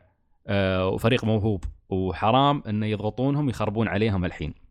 ما أريد أتمنى ان هالشيء ما يستوي تتأخر تروح كم تروح كم لهم مختفين يجي آخرتها من يخرب آه، المشروع بسبه من ضغط. الجيل. آه. من أول الجيل هم مختفين. ترى من بعد Second Son كانت yep نزلوا Second Son أظن بداية 2015 أه أو إنه كانت لعبة إطلاق ما أذكر بس إنه بعدها اختفوا. يعني يمكن نزلوا إضافة First Light يمكن حتى فريق جزء منهم نزل First Light وبداوا يشتغلون ف فاتمنى إنهم مش يالسين يندقون دقة الحين يعني الوضع الوضع مم. جدا مريب. بس اللعبة فعلا مثل ما قلت محمد أنا وياك اللعبة هذه راحت PlayStation 5 راحت PlayStation 5 إلا لو في شيء إعجازي أو خطة تسويقية مختلفة نحن مش متوقعينها يمكن. لكن المنطق يقول فعلا اللعبة هاي راحت PlayStation 5 وما راح تنزل حتى كلعبة إصدار. مستحيل. ما في وقت. ابدا ما في وقت. فنشوف. والله ما أدري إيش بيسوون فيها. يعني عكس مثلا مايكرو شفنا في ال- الجيل هذا خبصوا وخلاص عرفوا إنهم خبصوا. قال لك خلينا نركز على خدمة زي ال Game Game Pass نطورها. آه نجذب فيها شريحة أكبر من الناس بالإضافة إلى مجموعة الاستديوهات كلها اللي استحوذوا عليها. فأنت عارف إن خطتهم للجهاز الجديد عندك مجموعة كبيرة من الاستديوهات راح تشتغل على ألعابها وعندك خدمة زي ال Game Pass تبغى تستمر بدعمها. واللي بتكون شيء يفرق مع الجهاز الجديد لأنها بتكون من بداية الجهاز موجودة. صح. عكس الخدمة لما طلعت على الجهاز هذا وقعدت فترة لين تتطور ولين بدوا الناس يتكلمون عنها. صحيح. فتحس خطتهم واضحة. خلاص إحنا عارفين إيش مايكروسوفت بيسوون عناوين أساسية مجموعة استديوهات استحوذوا عليها وخدمة Game Pass قوية. صحيح. تعرف- ولا شيء إلى الآن؟ لا. ولا شيء. وتع- وتعرف تعرف ليش ال Game Pass أصلا يعني خطوة ناجحة وال backward compatibility لأن أنت فكر فيها. نحن عايشين في عصر الالعاب أكثر ما نقدر نلعب. نحن محتارين شو نلعب. يعني ومحتارين كم كم عندنا يعني من ساعات حياتنا نحط في الألعاب. فأنت تخيل تيك خدمة توفر لك الخيار أنك ما في مشكلة لا تخاف إذا فاتك شيء حتى من الجيل الماضي. نحن بنوفر لك. سواء عن طريق أن جهازنا الجديد راح يشغل أشرطتك اللي أنت اشتريتها قبل أو ألعابك اللي اشتريتها قبل اشرطه والله إخبار. زين أو آه أو إنك أنت آه تباها يعني تكون موجودة في في في خدمة مثل ال Game Pass ف يعني الحين على ال Xbox مثلا لو عندي جزء اشرطه مثل, ما قلنا شنو على الاشرطه لو عندنا مثلا آه، تكلمنا على Lost Odyssey مثلا. عندي أنا نسخة ال 360 لما سووا ال backward compatibility كل اللي احطه كل اللي أحتاجه أحط ال- ال- ال CDات وانتهى الموضوع. فشيء نفس هذا إذا سوني ما استوعبته إلى الآن ترى مصيبة. لأن Xbox فعلا قاعدين يشتغلون حق الجيل القادم. وتعلموا ضربه مؤلمة. Phil Spencer قاعد يرقع يرقع طول الجيل. ما أتوقع الرجال هذا بينطلق الجيل الجاي عشان يرقع. أنا أتوقع إنه بيهاجم. خلاص عدت فترة السلام. Phil Spencer يكشر عن عن أنيابه بداية من العام القادم. ما فيها. فنتمنى يعني نتمنى إن الأمور جيدة في سوني يعني الوضع الصراحه ما يطمن. وهذا اللي بنناقشه باجر ومتأكد بيجي يسب على القناة بس وات يعني. طيب آه الحين سلطان تطلع؟ آه قريبا. قريبا okay. يعني خل يلا خل- أضغط تعليقات. تلح- تلحق ويانا على التعليقات شوي. طيب نشوف تعليقات الموقع. آه عندنا MD Live؟ X شو ترى صوتي صوت رعب ترى. شو هو؟ ها؟ عندي؟ ما أدري. هي جي عندي حد ترى. هنا. أخوي أنا قبل شوي قال لي بحرك الاثاث عادي. قلت له آه. عادي عادي. هذا أثاث؟ تقول تقول حرمه صارت عندك من الأشباح اليابانية. طيب MD Live X يقول يا رفاق أحتاج المساعدة. طيب نساعدك يقول هل تعرفون موقع يبيع 3 DS ويشحن للسعودية؟ آه، أمازون. أمازون. يشحن أمازون يشحن للسعودية مباشر. آه، يقول هل عادي أشتري الجهاز من بائع مستقل في أمازون ولا بيجيني شيء مغشوش؟ إذا مضطر شيك على التقييم. yes على الأقل. تقييم البائع. آه إذا تحت أربعة نجوم ونص لا تشتري. yes طيب مشكور يا MD Live آه بعدين عندنا عبد المالك عبد العزيز يقول السلام عليكم. عليكم. السلام والرحمه يقول مستمع على الصامت لكن بعد جلد ال Sensei تشجعت. حياك الله يا عبد العزيز. عبد المالك. أو عبد ولا عبد المالك ولا عبد الملك؟ سامحني إذا من- غلط. صلح لي صلح لي بعدين. آه يقول ناوي ألعب Dragon Quest 11 PS 4 هل من نصائح؟ الله أكبر. استمتع. استمتع بس. آه يقول آه وبعد الجزء مدخل كويس على السلسلة؟ yes الجزء yes. مدخل ممتاز للسلسله 11 أي حد يبي يجرب Dragon Quest أول مرة ينطلق على 11 وايد شباب وايد مثل ما قلنا قبل بدوا من 11 وجدا حبوا السلسلة.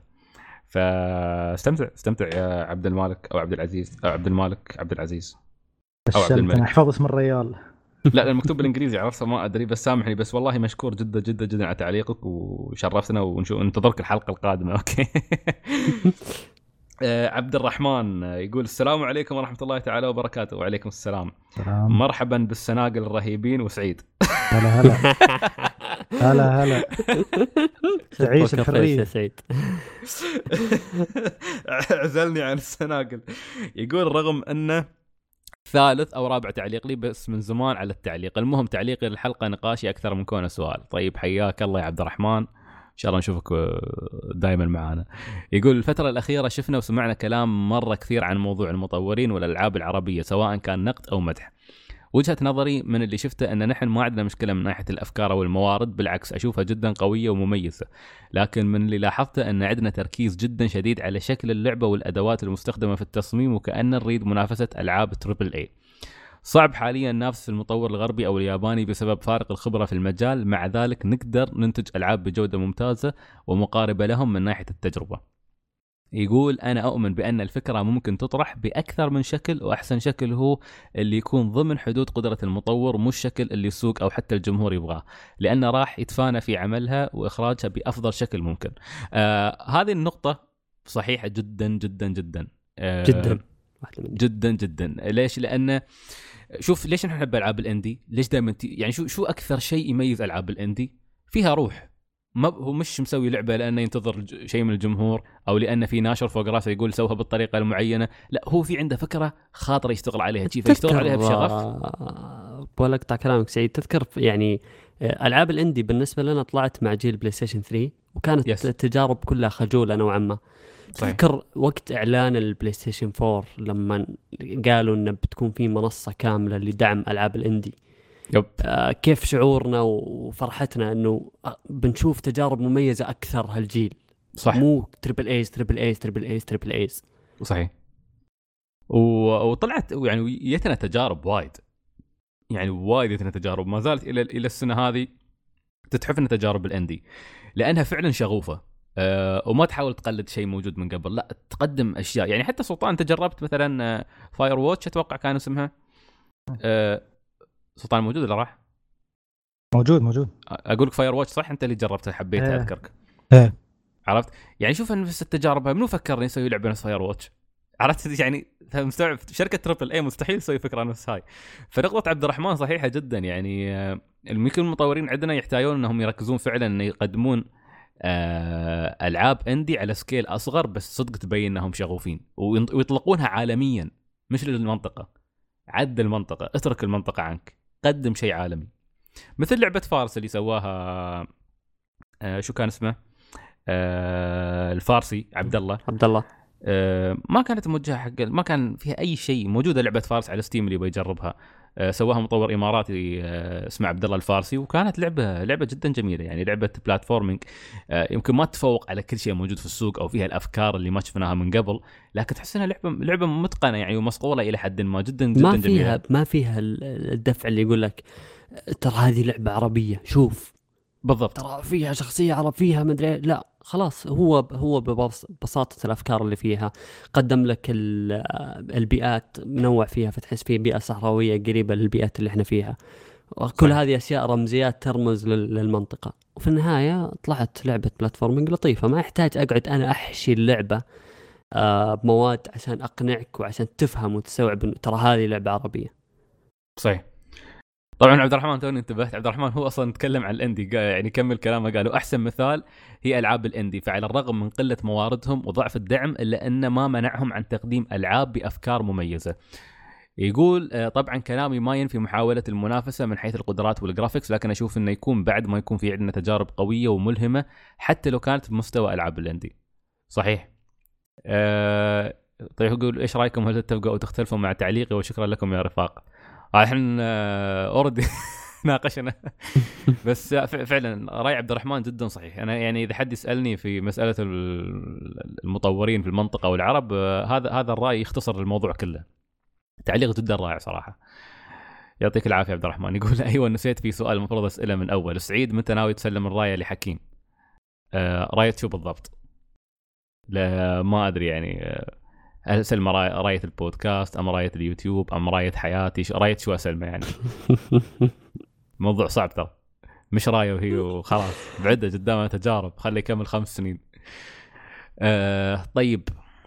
آه عندنا سلطان تطلع؟ yes yes yes yes okay خلاص يلا. وين بتثير؟ بوريزو بصير آه، شو اسمه؟ بسيري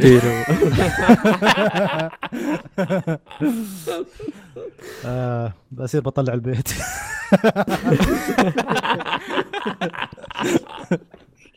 ما شاء الله طلع البيت من البيت. إيه، البيت ملان شوي. آه، أوكي الله يحفظكم جلع آمين.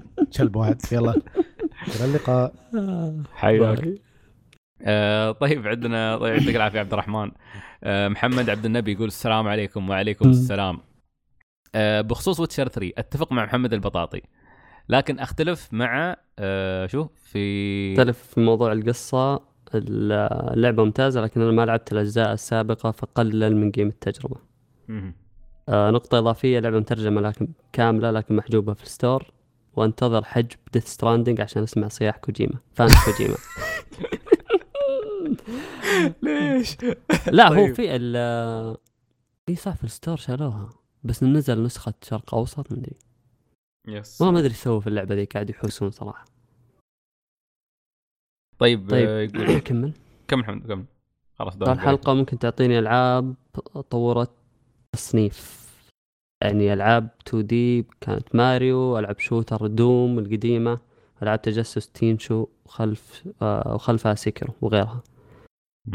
أه ما ما أدري ألعاب آه Metroid و Castlevania كانت هي سبب وجود تصنيف ال Metroidvania yes حتى ماخذين الاسم آه، الحرفي يعني لها.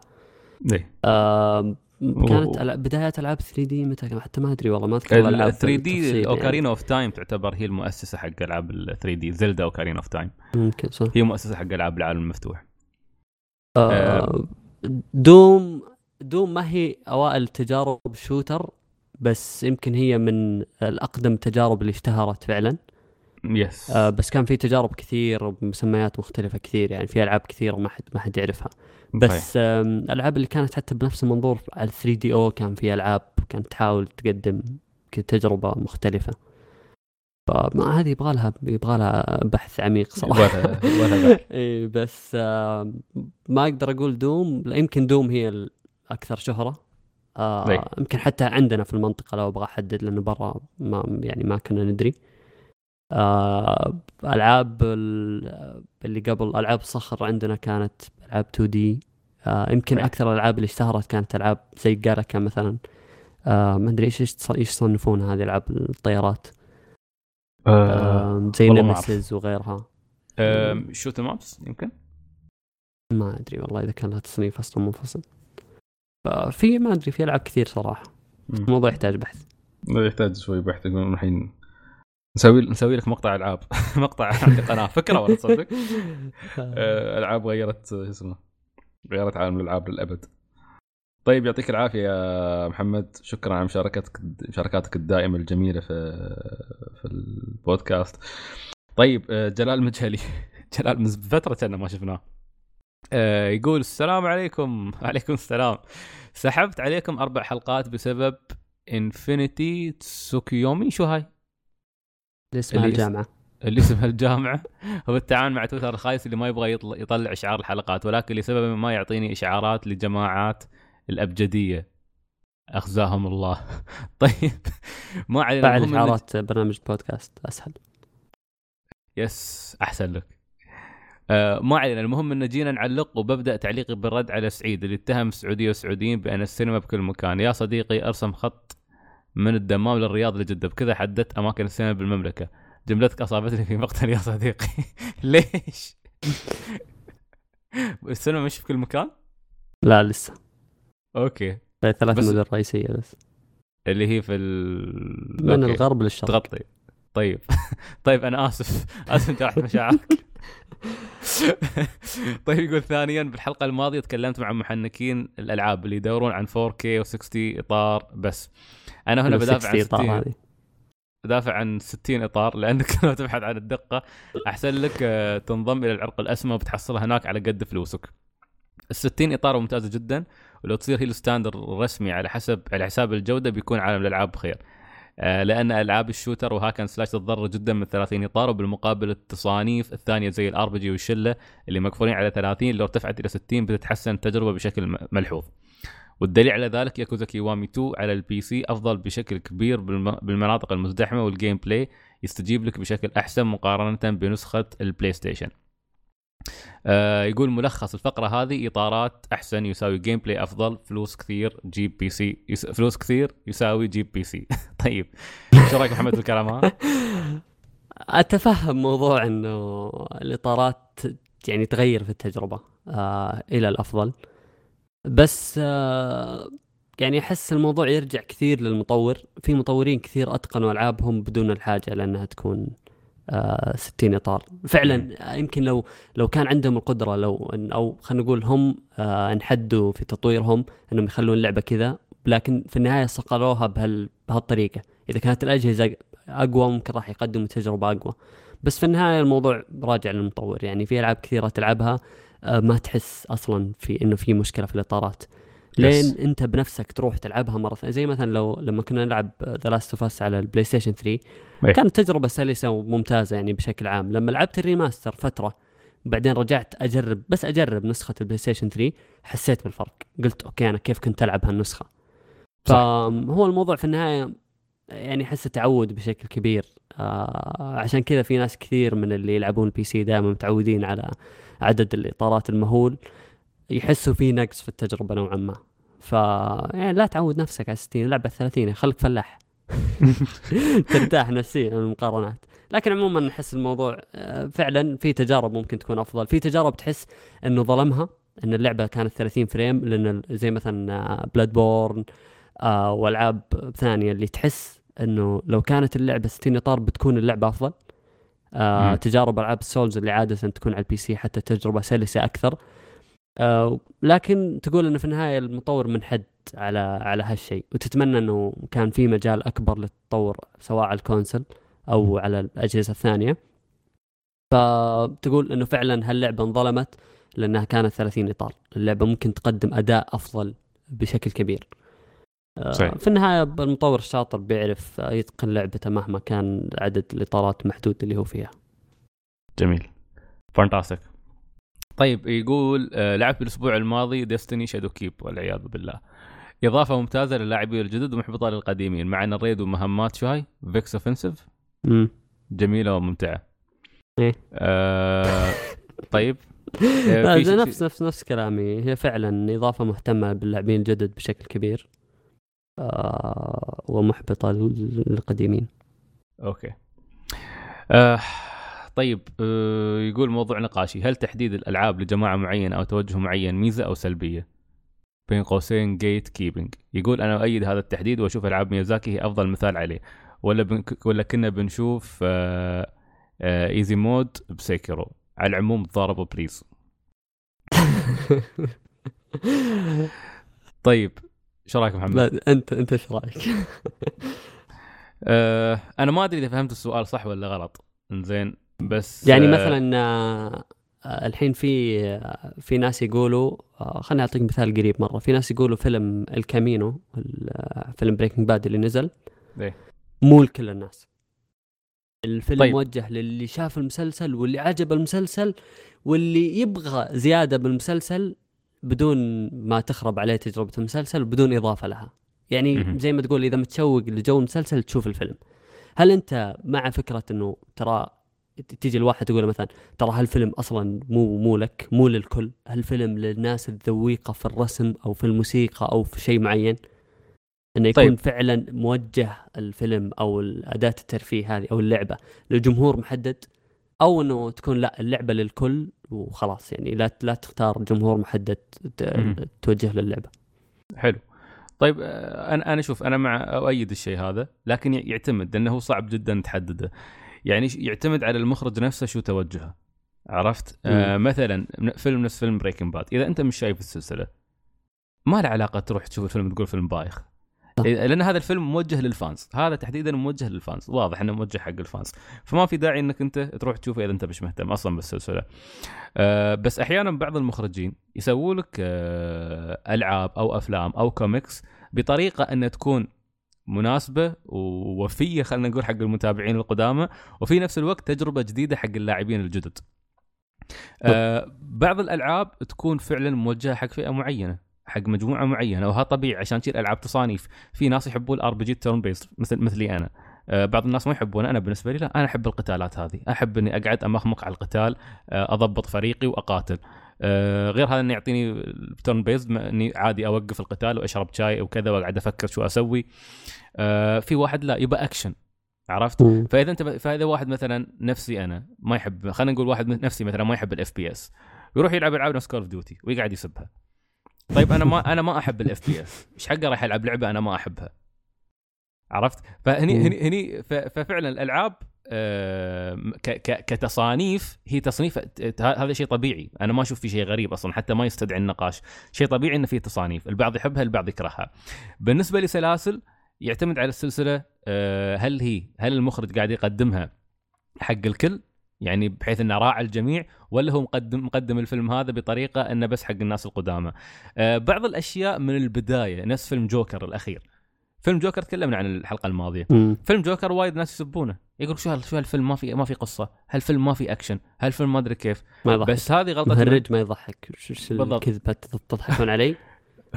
بس هذه غلطة من هذه غلطة المتابع نفسه. لأن الفيلم هذا من يوم ما من يوم ما أعلنوا عنه وهو واضح في شيء واحد. إن الفيلم بيتكلم عن شيء ما تكلم عنه من قبل ابدا في عالم الكوميكس أو عالم دي سي بشكل عام وهو. ال origins وأصول الجوكر. فأنت لما تروح هناك أنت مش راح تشوف الجوكر أنت راح تشوف الإنسان اللي كان عليه الجوكر. هذا ال interesting في الموضوع هاي الجزئية المثيرة للاهتمام في الموضوع. من هذا الشخص؟ من هو قبل لا. يكون الجوكر؟ أنا أعرف المهرج بس أنا ما أعرف انه هذا الشخص. عرفت؟ لا تقول ف- مهرج لو سمحت زين.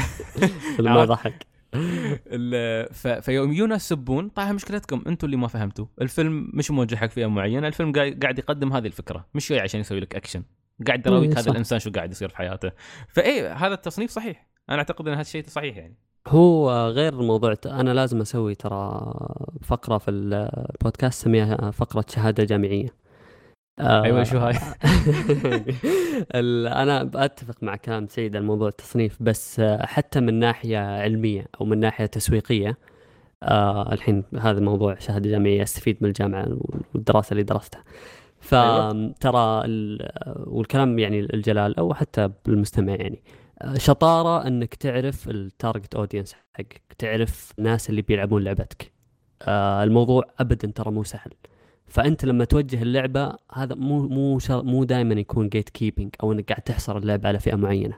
بس أنت عارف انه هالمجموعه من الناس هم اللي بيلعبون لعبتك. فلو تاخذ مثال مثلا على ميزاكي مثلا وألعابه. آه، خلينا نقول إنه هو في كل الألعاب اللي قدمها ما غير توجهه نهائيا. مع إنك يعني في تغييرات صارت طفيفة في بلاد بورن عشان تجذب ناس أكثر. يمكن هالتغييرات أصلا أساسا ما كانت عشان تجذب ناس أكثر كانت كتطوير للعبة جديدة مختلفة. ولكن هل هالتغيير وهالتطوير سحب ناس كثير لل- للعبة. مع إنه الناس كانوا يعرفون إنه هذه من نفس المطور حق ألعاب سولز فما راح تختلف. في ناس قالوا طيب خلينا نجربها عنوان جديد أكيد فيها شيء مختلف. ف في شيء موجود وهذا شيء عالمي في, في كل شيء يصير انت صحيح. لازم تعرف جمهورك. آه موضوع انك تقدم لهم تجربة أو شيء خاص فيهم هذا ما يعني إنك أنت ما تبغى الناس كلها يشترون اللعبه ما تبغى الأرباح من الناس كلها ما تبغى تقدم التجربة للجميع. لا ابدا. بس أنت عندك هدف محدد انه والله أنا بقدم مثلا تجربة وهذا يرجع لموضوع التصنيف اللي تكلم عنه سعيد. أنا بقدم تجربة turn-based كلاسيكية. لما نتكلم عن turn-based كلاسيكي أنا مين الجمهور اللي قاعد اقدم له اللعبة؟ الناس اللي لعبوا التجارب الكلاسيكية في الأجهزة القديمة في البلاي ستيشن 1 بلاي ستيشن 2 والأجهزة والجيم كيوب والدريم كاست وهالأجهزة. فأنا عارف الجمهور اللي راح أقدم له اللعبة. في ناس جدد جربوا اللعبة أهلا وسهلا.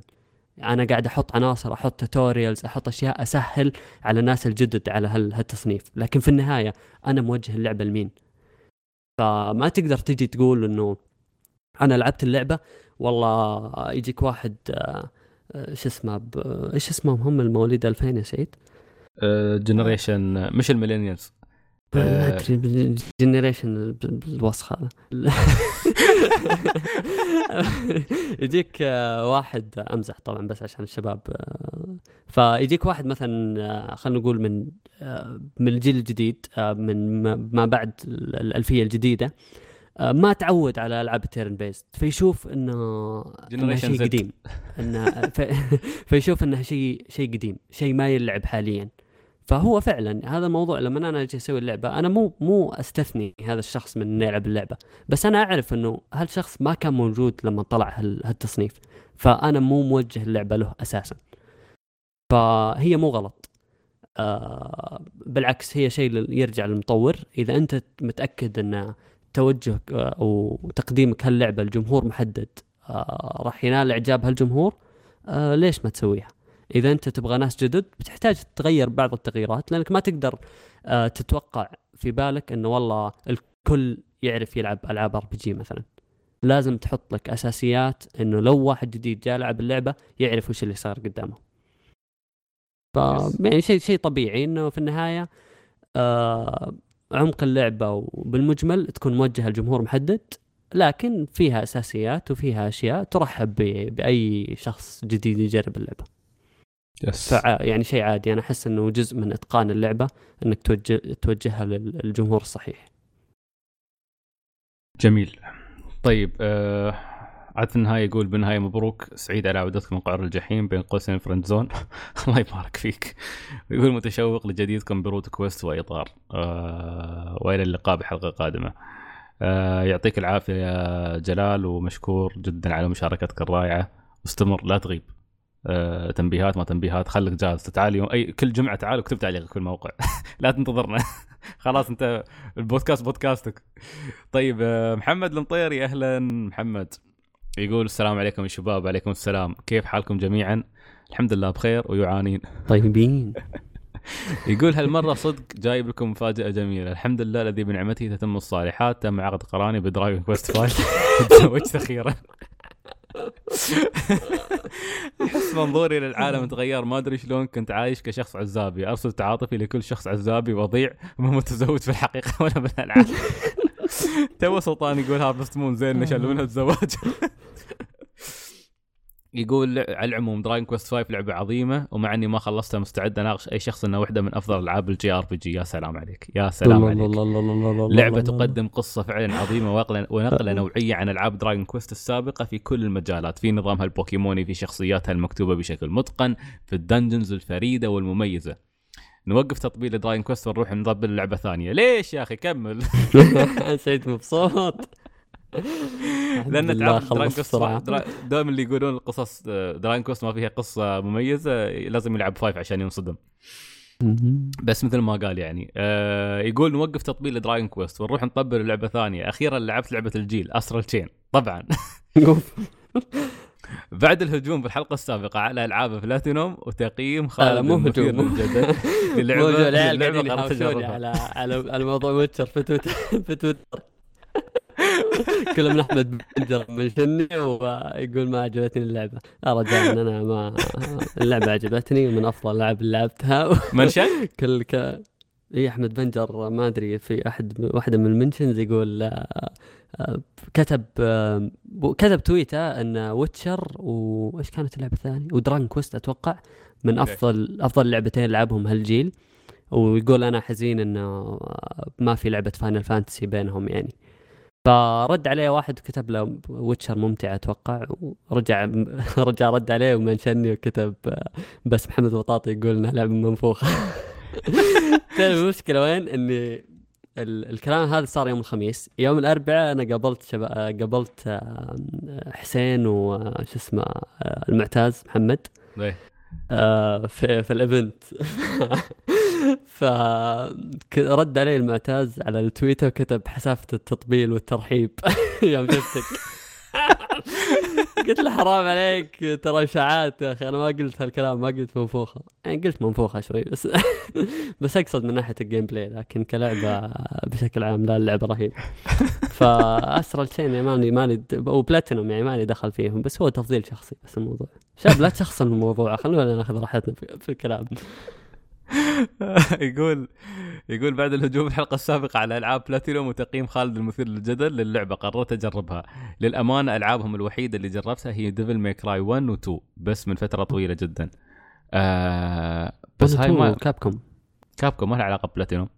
ممكن آه. العب hack and slash ماني يمكن قصده عشان كالعاب hack and slash يمكن؟ يمكن hack and slash مم. ويقول وصلت باللعبة سبع ساعات إلى الآن، اللعبة تعطيك جرعة أكشن ممتازة ونظام قتالي يتطور ومستحيل تمل منه، الزعماء قتالهم ممتع بس كتصميم ما هم الشيء المميز. نظام التحقيق والألغاز لطيف بس أتوقع يوصل مرحلة الإزعاج مع تقدمك باللعبة. أما التوجه القصصي فللأسف اشوفه ضعيف مع جهدهم الواضح إنهم يطلعون يطلعون بقصة جيدة. شخصيات غير مثيرة للاهتمام ومسار أحداث ما في أي شيء مميز ومتوقع جدا. يا خلاص محمد معاه حق. ما شايف وين التجربة الايجابيه في كلامك يا أبو حميد يقول على العموم هذه تجاربي لهالأسبوع بما أن السنة قربت تخلص أعطونا أفضل ثلاث ألعاب لعبتوها هالسنة. آه. Sekiro دراجون كويست Builders دراجون كويست 11 لو في دراجون كويست ثلاثة كان قالها بدون فكره آه، تصدق أحتاج أحتاج أنا بعدني آه، أحتاج أرجع أشطب السنة. في أشياء ما لعبتها مثل زلدا Link's Link's Awakening ما جربتها. مم. Astral Chain ما جربتها. في كذا لعبة فبعدني ما أتوقع إني مستعد. آه، إني أحدد. أنا آه Sekiro آه Remnant و Gears 5 مم، عجيب. خبرتك ان خلصنا جير صح؟ إيه. إيه. سوينا حفلة في الجروب. طيب يقول التعليق طويل أدري بس ما عليه نطلع حرتنا قبل لا تبدأ الاختبارات. آه، دعواتكم بالتوفيق يا رفاق. الله يوفقك. يا محمد. وبالعكس أصلا نحن نرحب بالتعليقات الطويلة والجميلة هذه لأنها جزء من الحلقة مثل ما قلنا و... وتساعدنا حتى نكمل انطباعاتنا. إذا في ألعاب نحن ما جربناها تون أنتم تعطون انطباعاتكم فالمستمعين يستفيدون أصلا من انطباعاتكم عن الألعاب. فهذا شيء يعني مثل ما قلنا من قبل وايد يثري الحلقة. فبالعكس يعني التعليقات الطويلة جد... نحن ما ما نزعل منها. نفرح يوم نشوف تعليق طويل في الحلقة. فيعطيكم العافية جميع الشباب اللي علقوا في الموقع والحين نروح في تعليق في تعليق في تعليق قبل شوي. في الموقع؟ إيه. أوه عجيب. آه أحمد الندابي. آه الله الله الله الله الله السلام عليكم يا أفضل بودكاست ألعاب. أعتذر على عدم تعليق الحلقة. الماضية. العذر بيوصل عن طريق البريد خلال عشر أيام عمل. الله يعطيك العافية. آه عليكم السلام. حياك الله. يقول بتكلم عن تجاربي المتواضعة لأن فاينل 14 أكلت معظم وقتي لكن قبل فترة خلصت إضافة Heavensward واعتبرها من أفضل تجارب الألعاب عندي من ناحية القصة وتطور الأحداث والشخصيات. ولعبت إضافة Iceborne في Monster Hunter وحصلت على نفس جرعة الحماس في قتال الوحوش. شكرا على تقديم محتوى ممتاز كل أسبوع وإلى اللقاء. فاينل 14 كل ما يجي عنها سؤال خنبوش ما يكون موجود. أي والله. لا وعلى فكرة fourteen صدق كل حد كل حد يخبرني عن قصصها. أقول مره يمدحون إضافاتها. يعني يقول كل إضا... كل إضافة قاعد تقدم شيء مجنون أكثر من اللي قبله. تعرف أنا ودي شو يسوون؟ ودي يسوون لعبة اسمها فاينل فانتسي 14.5 زين. ويسوون لعبة فيها story line قصة بس بدون ما تكون MMO بدون MMO. ونشوف القصة الرهيبة هاي الأخيرة. أحس والله القصص بس هو ارتباطها بكل يعني اللي ينفرك منها إنها مرتبطة لعبه MMO yes فلازم زي ما يقول هو أكلت وقتي فعلا هي تاكل حياتك يعني كاملة. إيه، هاي مشكلة ألعاب آه عشان عشان تاخذ الجزء القصصي اللي فيها الموضوع يطول مرة. جدا. تعرف تعرف إبراهيم هيموسيما. آه، إبراهيم يا أظن إبراهيم إذا ما نسيت خذ فترة التزام محترمة لعب. لعب اللعبة. فتخيل مر عليه اللعبة الأولى والإضافة الثانية والإضافة الثالثة. شكل لعبها بعد إضافة الساموراي هذيك تحمس. أتوقع أتوقع على وقت إضافة الساموراي إيه. فلعب مسك مسكة محترمة بس كقصة كلهم يقولون اتسورتت يعني إنك تمر بالشيء هذا. بس, بس أنا ما 6000 ساعة من حياتي ما أقدر. أنا ما أقدر. أنا عشان كذي وقفت ألعاب القتال؟ ترى. يعني وقفت ما ألعب ألعاب قتال ما ألعب ألعاب آه، تاخذ. يعني إتقانها ياخذ وقت صراحة. صحيح. أو حتى إما تقدم فيها أو إتقانها كألعاب قتال يعني. صحيح. وم- وما عندي النية إني أنا أستمر آه، ألعبها عشان أتقنها يعني فخلاص. بطلت. آه، طيب في عندنا هند. هند تقول السلام عليكم ورحمة الله وبركاته. وعليكم السلام. سلام. آه، تقول يلا باقي أربعة. باقي أربعة إيش؟ أربعة أربعة أربعة. قصتها على الاربعه ما أدري. قاعد أحاول أحل اللغز بس ما ما ربط شيء في بالي صراحة. Okay. طيب آه، هند تقول آه، تقول أحد منكم متحمس للعبة AI شو اسمه؟ AI the شو؟ Somnium Files أتوقع. هذه اللي, اللي من نفس مطور Zero Escape آه، أنا متحمس. ألعبها. السوق. واتوقع أتوقع إني بلعبها على ال Switch إن شاء الله قريب.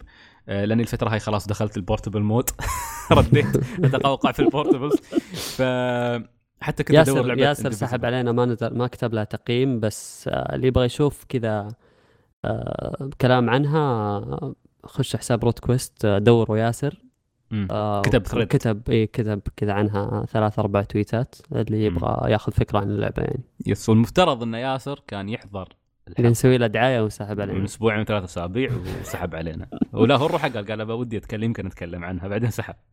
بس عموما آه، من كلام ياسر إن اللعبة ممتعة تحس إنك قاعد تشوف أنمي وتستمتع في الأحداث والشخصيات والتوستات اللي تصير ف شكلها جرعة مخففة كلعبة فيجوال نوفل من ناحية ألغاز وغيرها لكن ممتعة جدا من ناحية قصصية من ناحية شخصيات فأنا أنا شخصيا ودي صراحة أجربها لأني من زمان ما العب visual novel فمتحمس أجرب شيء طيب آه، creepy. Pasta تقول شيء يا محمد؟ لا عبدول. Nice يقول こんにちは 皆さん أهلا عبد الله كيف حالكم؟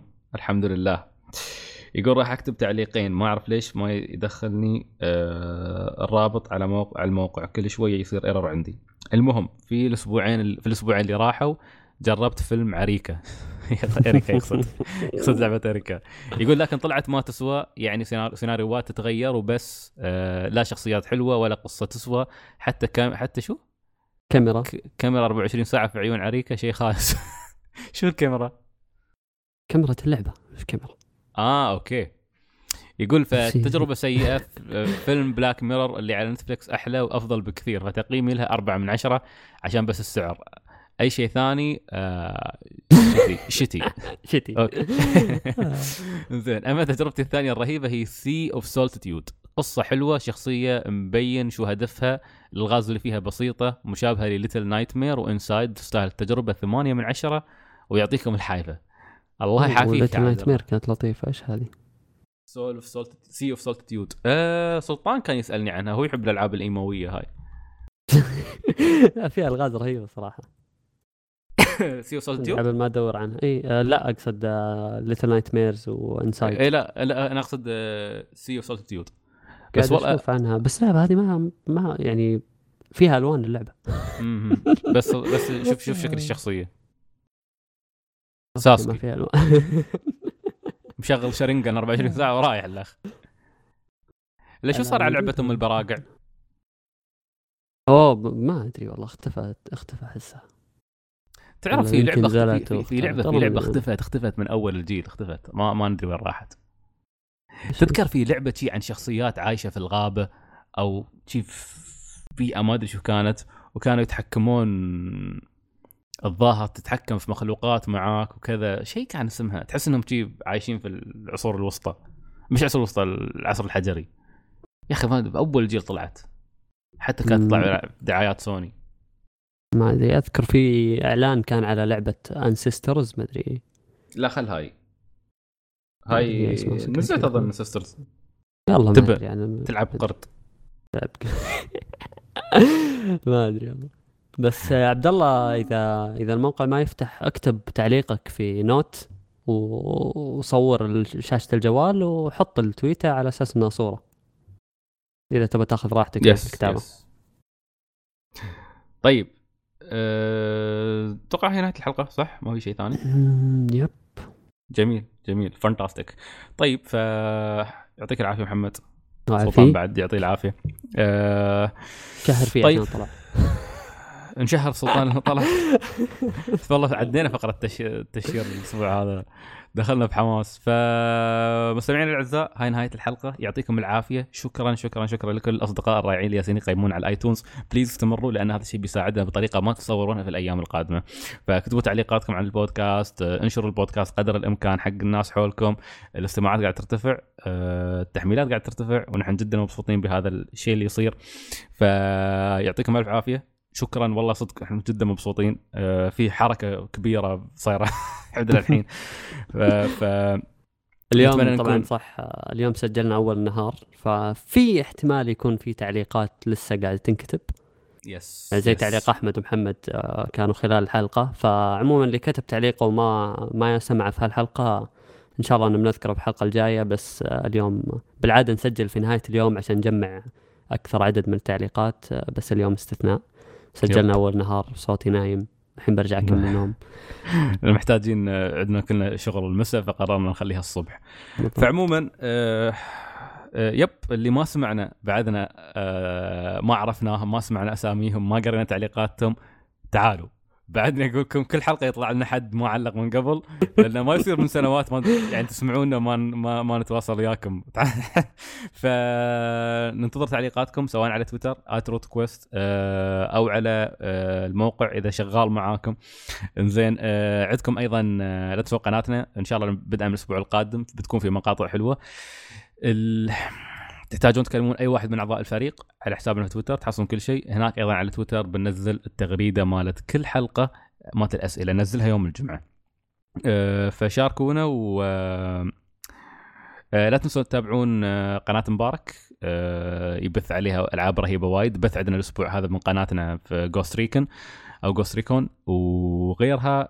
بعد عندكم بودكاست آه، ثاني اللي هو بودكاست إطار. آه، نتكلم فيه مع ناس رهيبة. آه، عندهم قصص بس نسمع قصصهم نشوف شو سووا. فكل مرة نتكلم مع شخص. فبما أن الأسبوع حلقة الأسبوع القادم بتكون مع فاخره المنصوري مطوره ألعاب كيف أسست آه، استوديو تطوير ألعاب في الإمارات؟ يوم ما عندنا أصلا رخص حق آه، حق آه، شو اسمه إنك تسوي استوديو ألعاب. شو كانت قصته؟ بشو مرت فيه؟ هذا هاي الحلقة بتنزل يوم الاثنين إن شاء الله فتابعوا حساب إطار على تويتر آه،. موجود على كل المنصات فبتكون قصة جدا جميلة. اوف كويست في أخبار جميلة بتعرفونها قريبا. وروت كويست طبعا بودكاستنا الجميل اللي نتكلم فيه عن الألعاب دائما وابدا. معاكم يا رفاق مستمتعين ونلقاكم بإذن الله في الحلقة القادمة. فيعطيكم العافية ونراكم لاحقا يا رفاق. إلى اللقاء.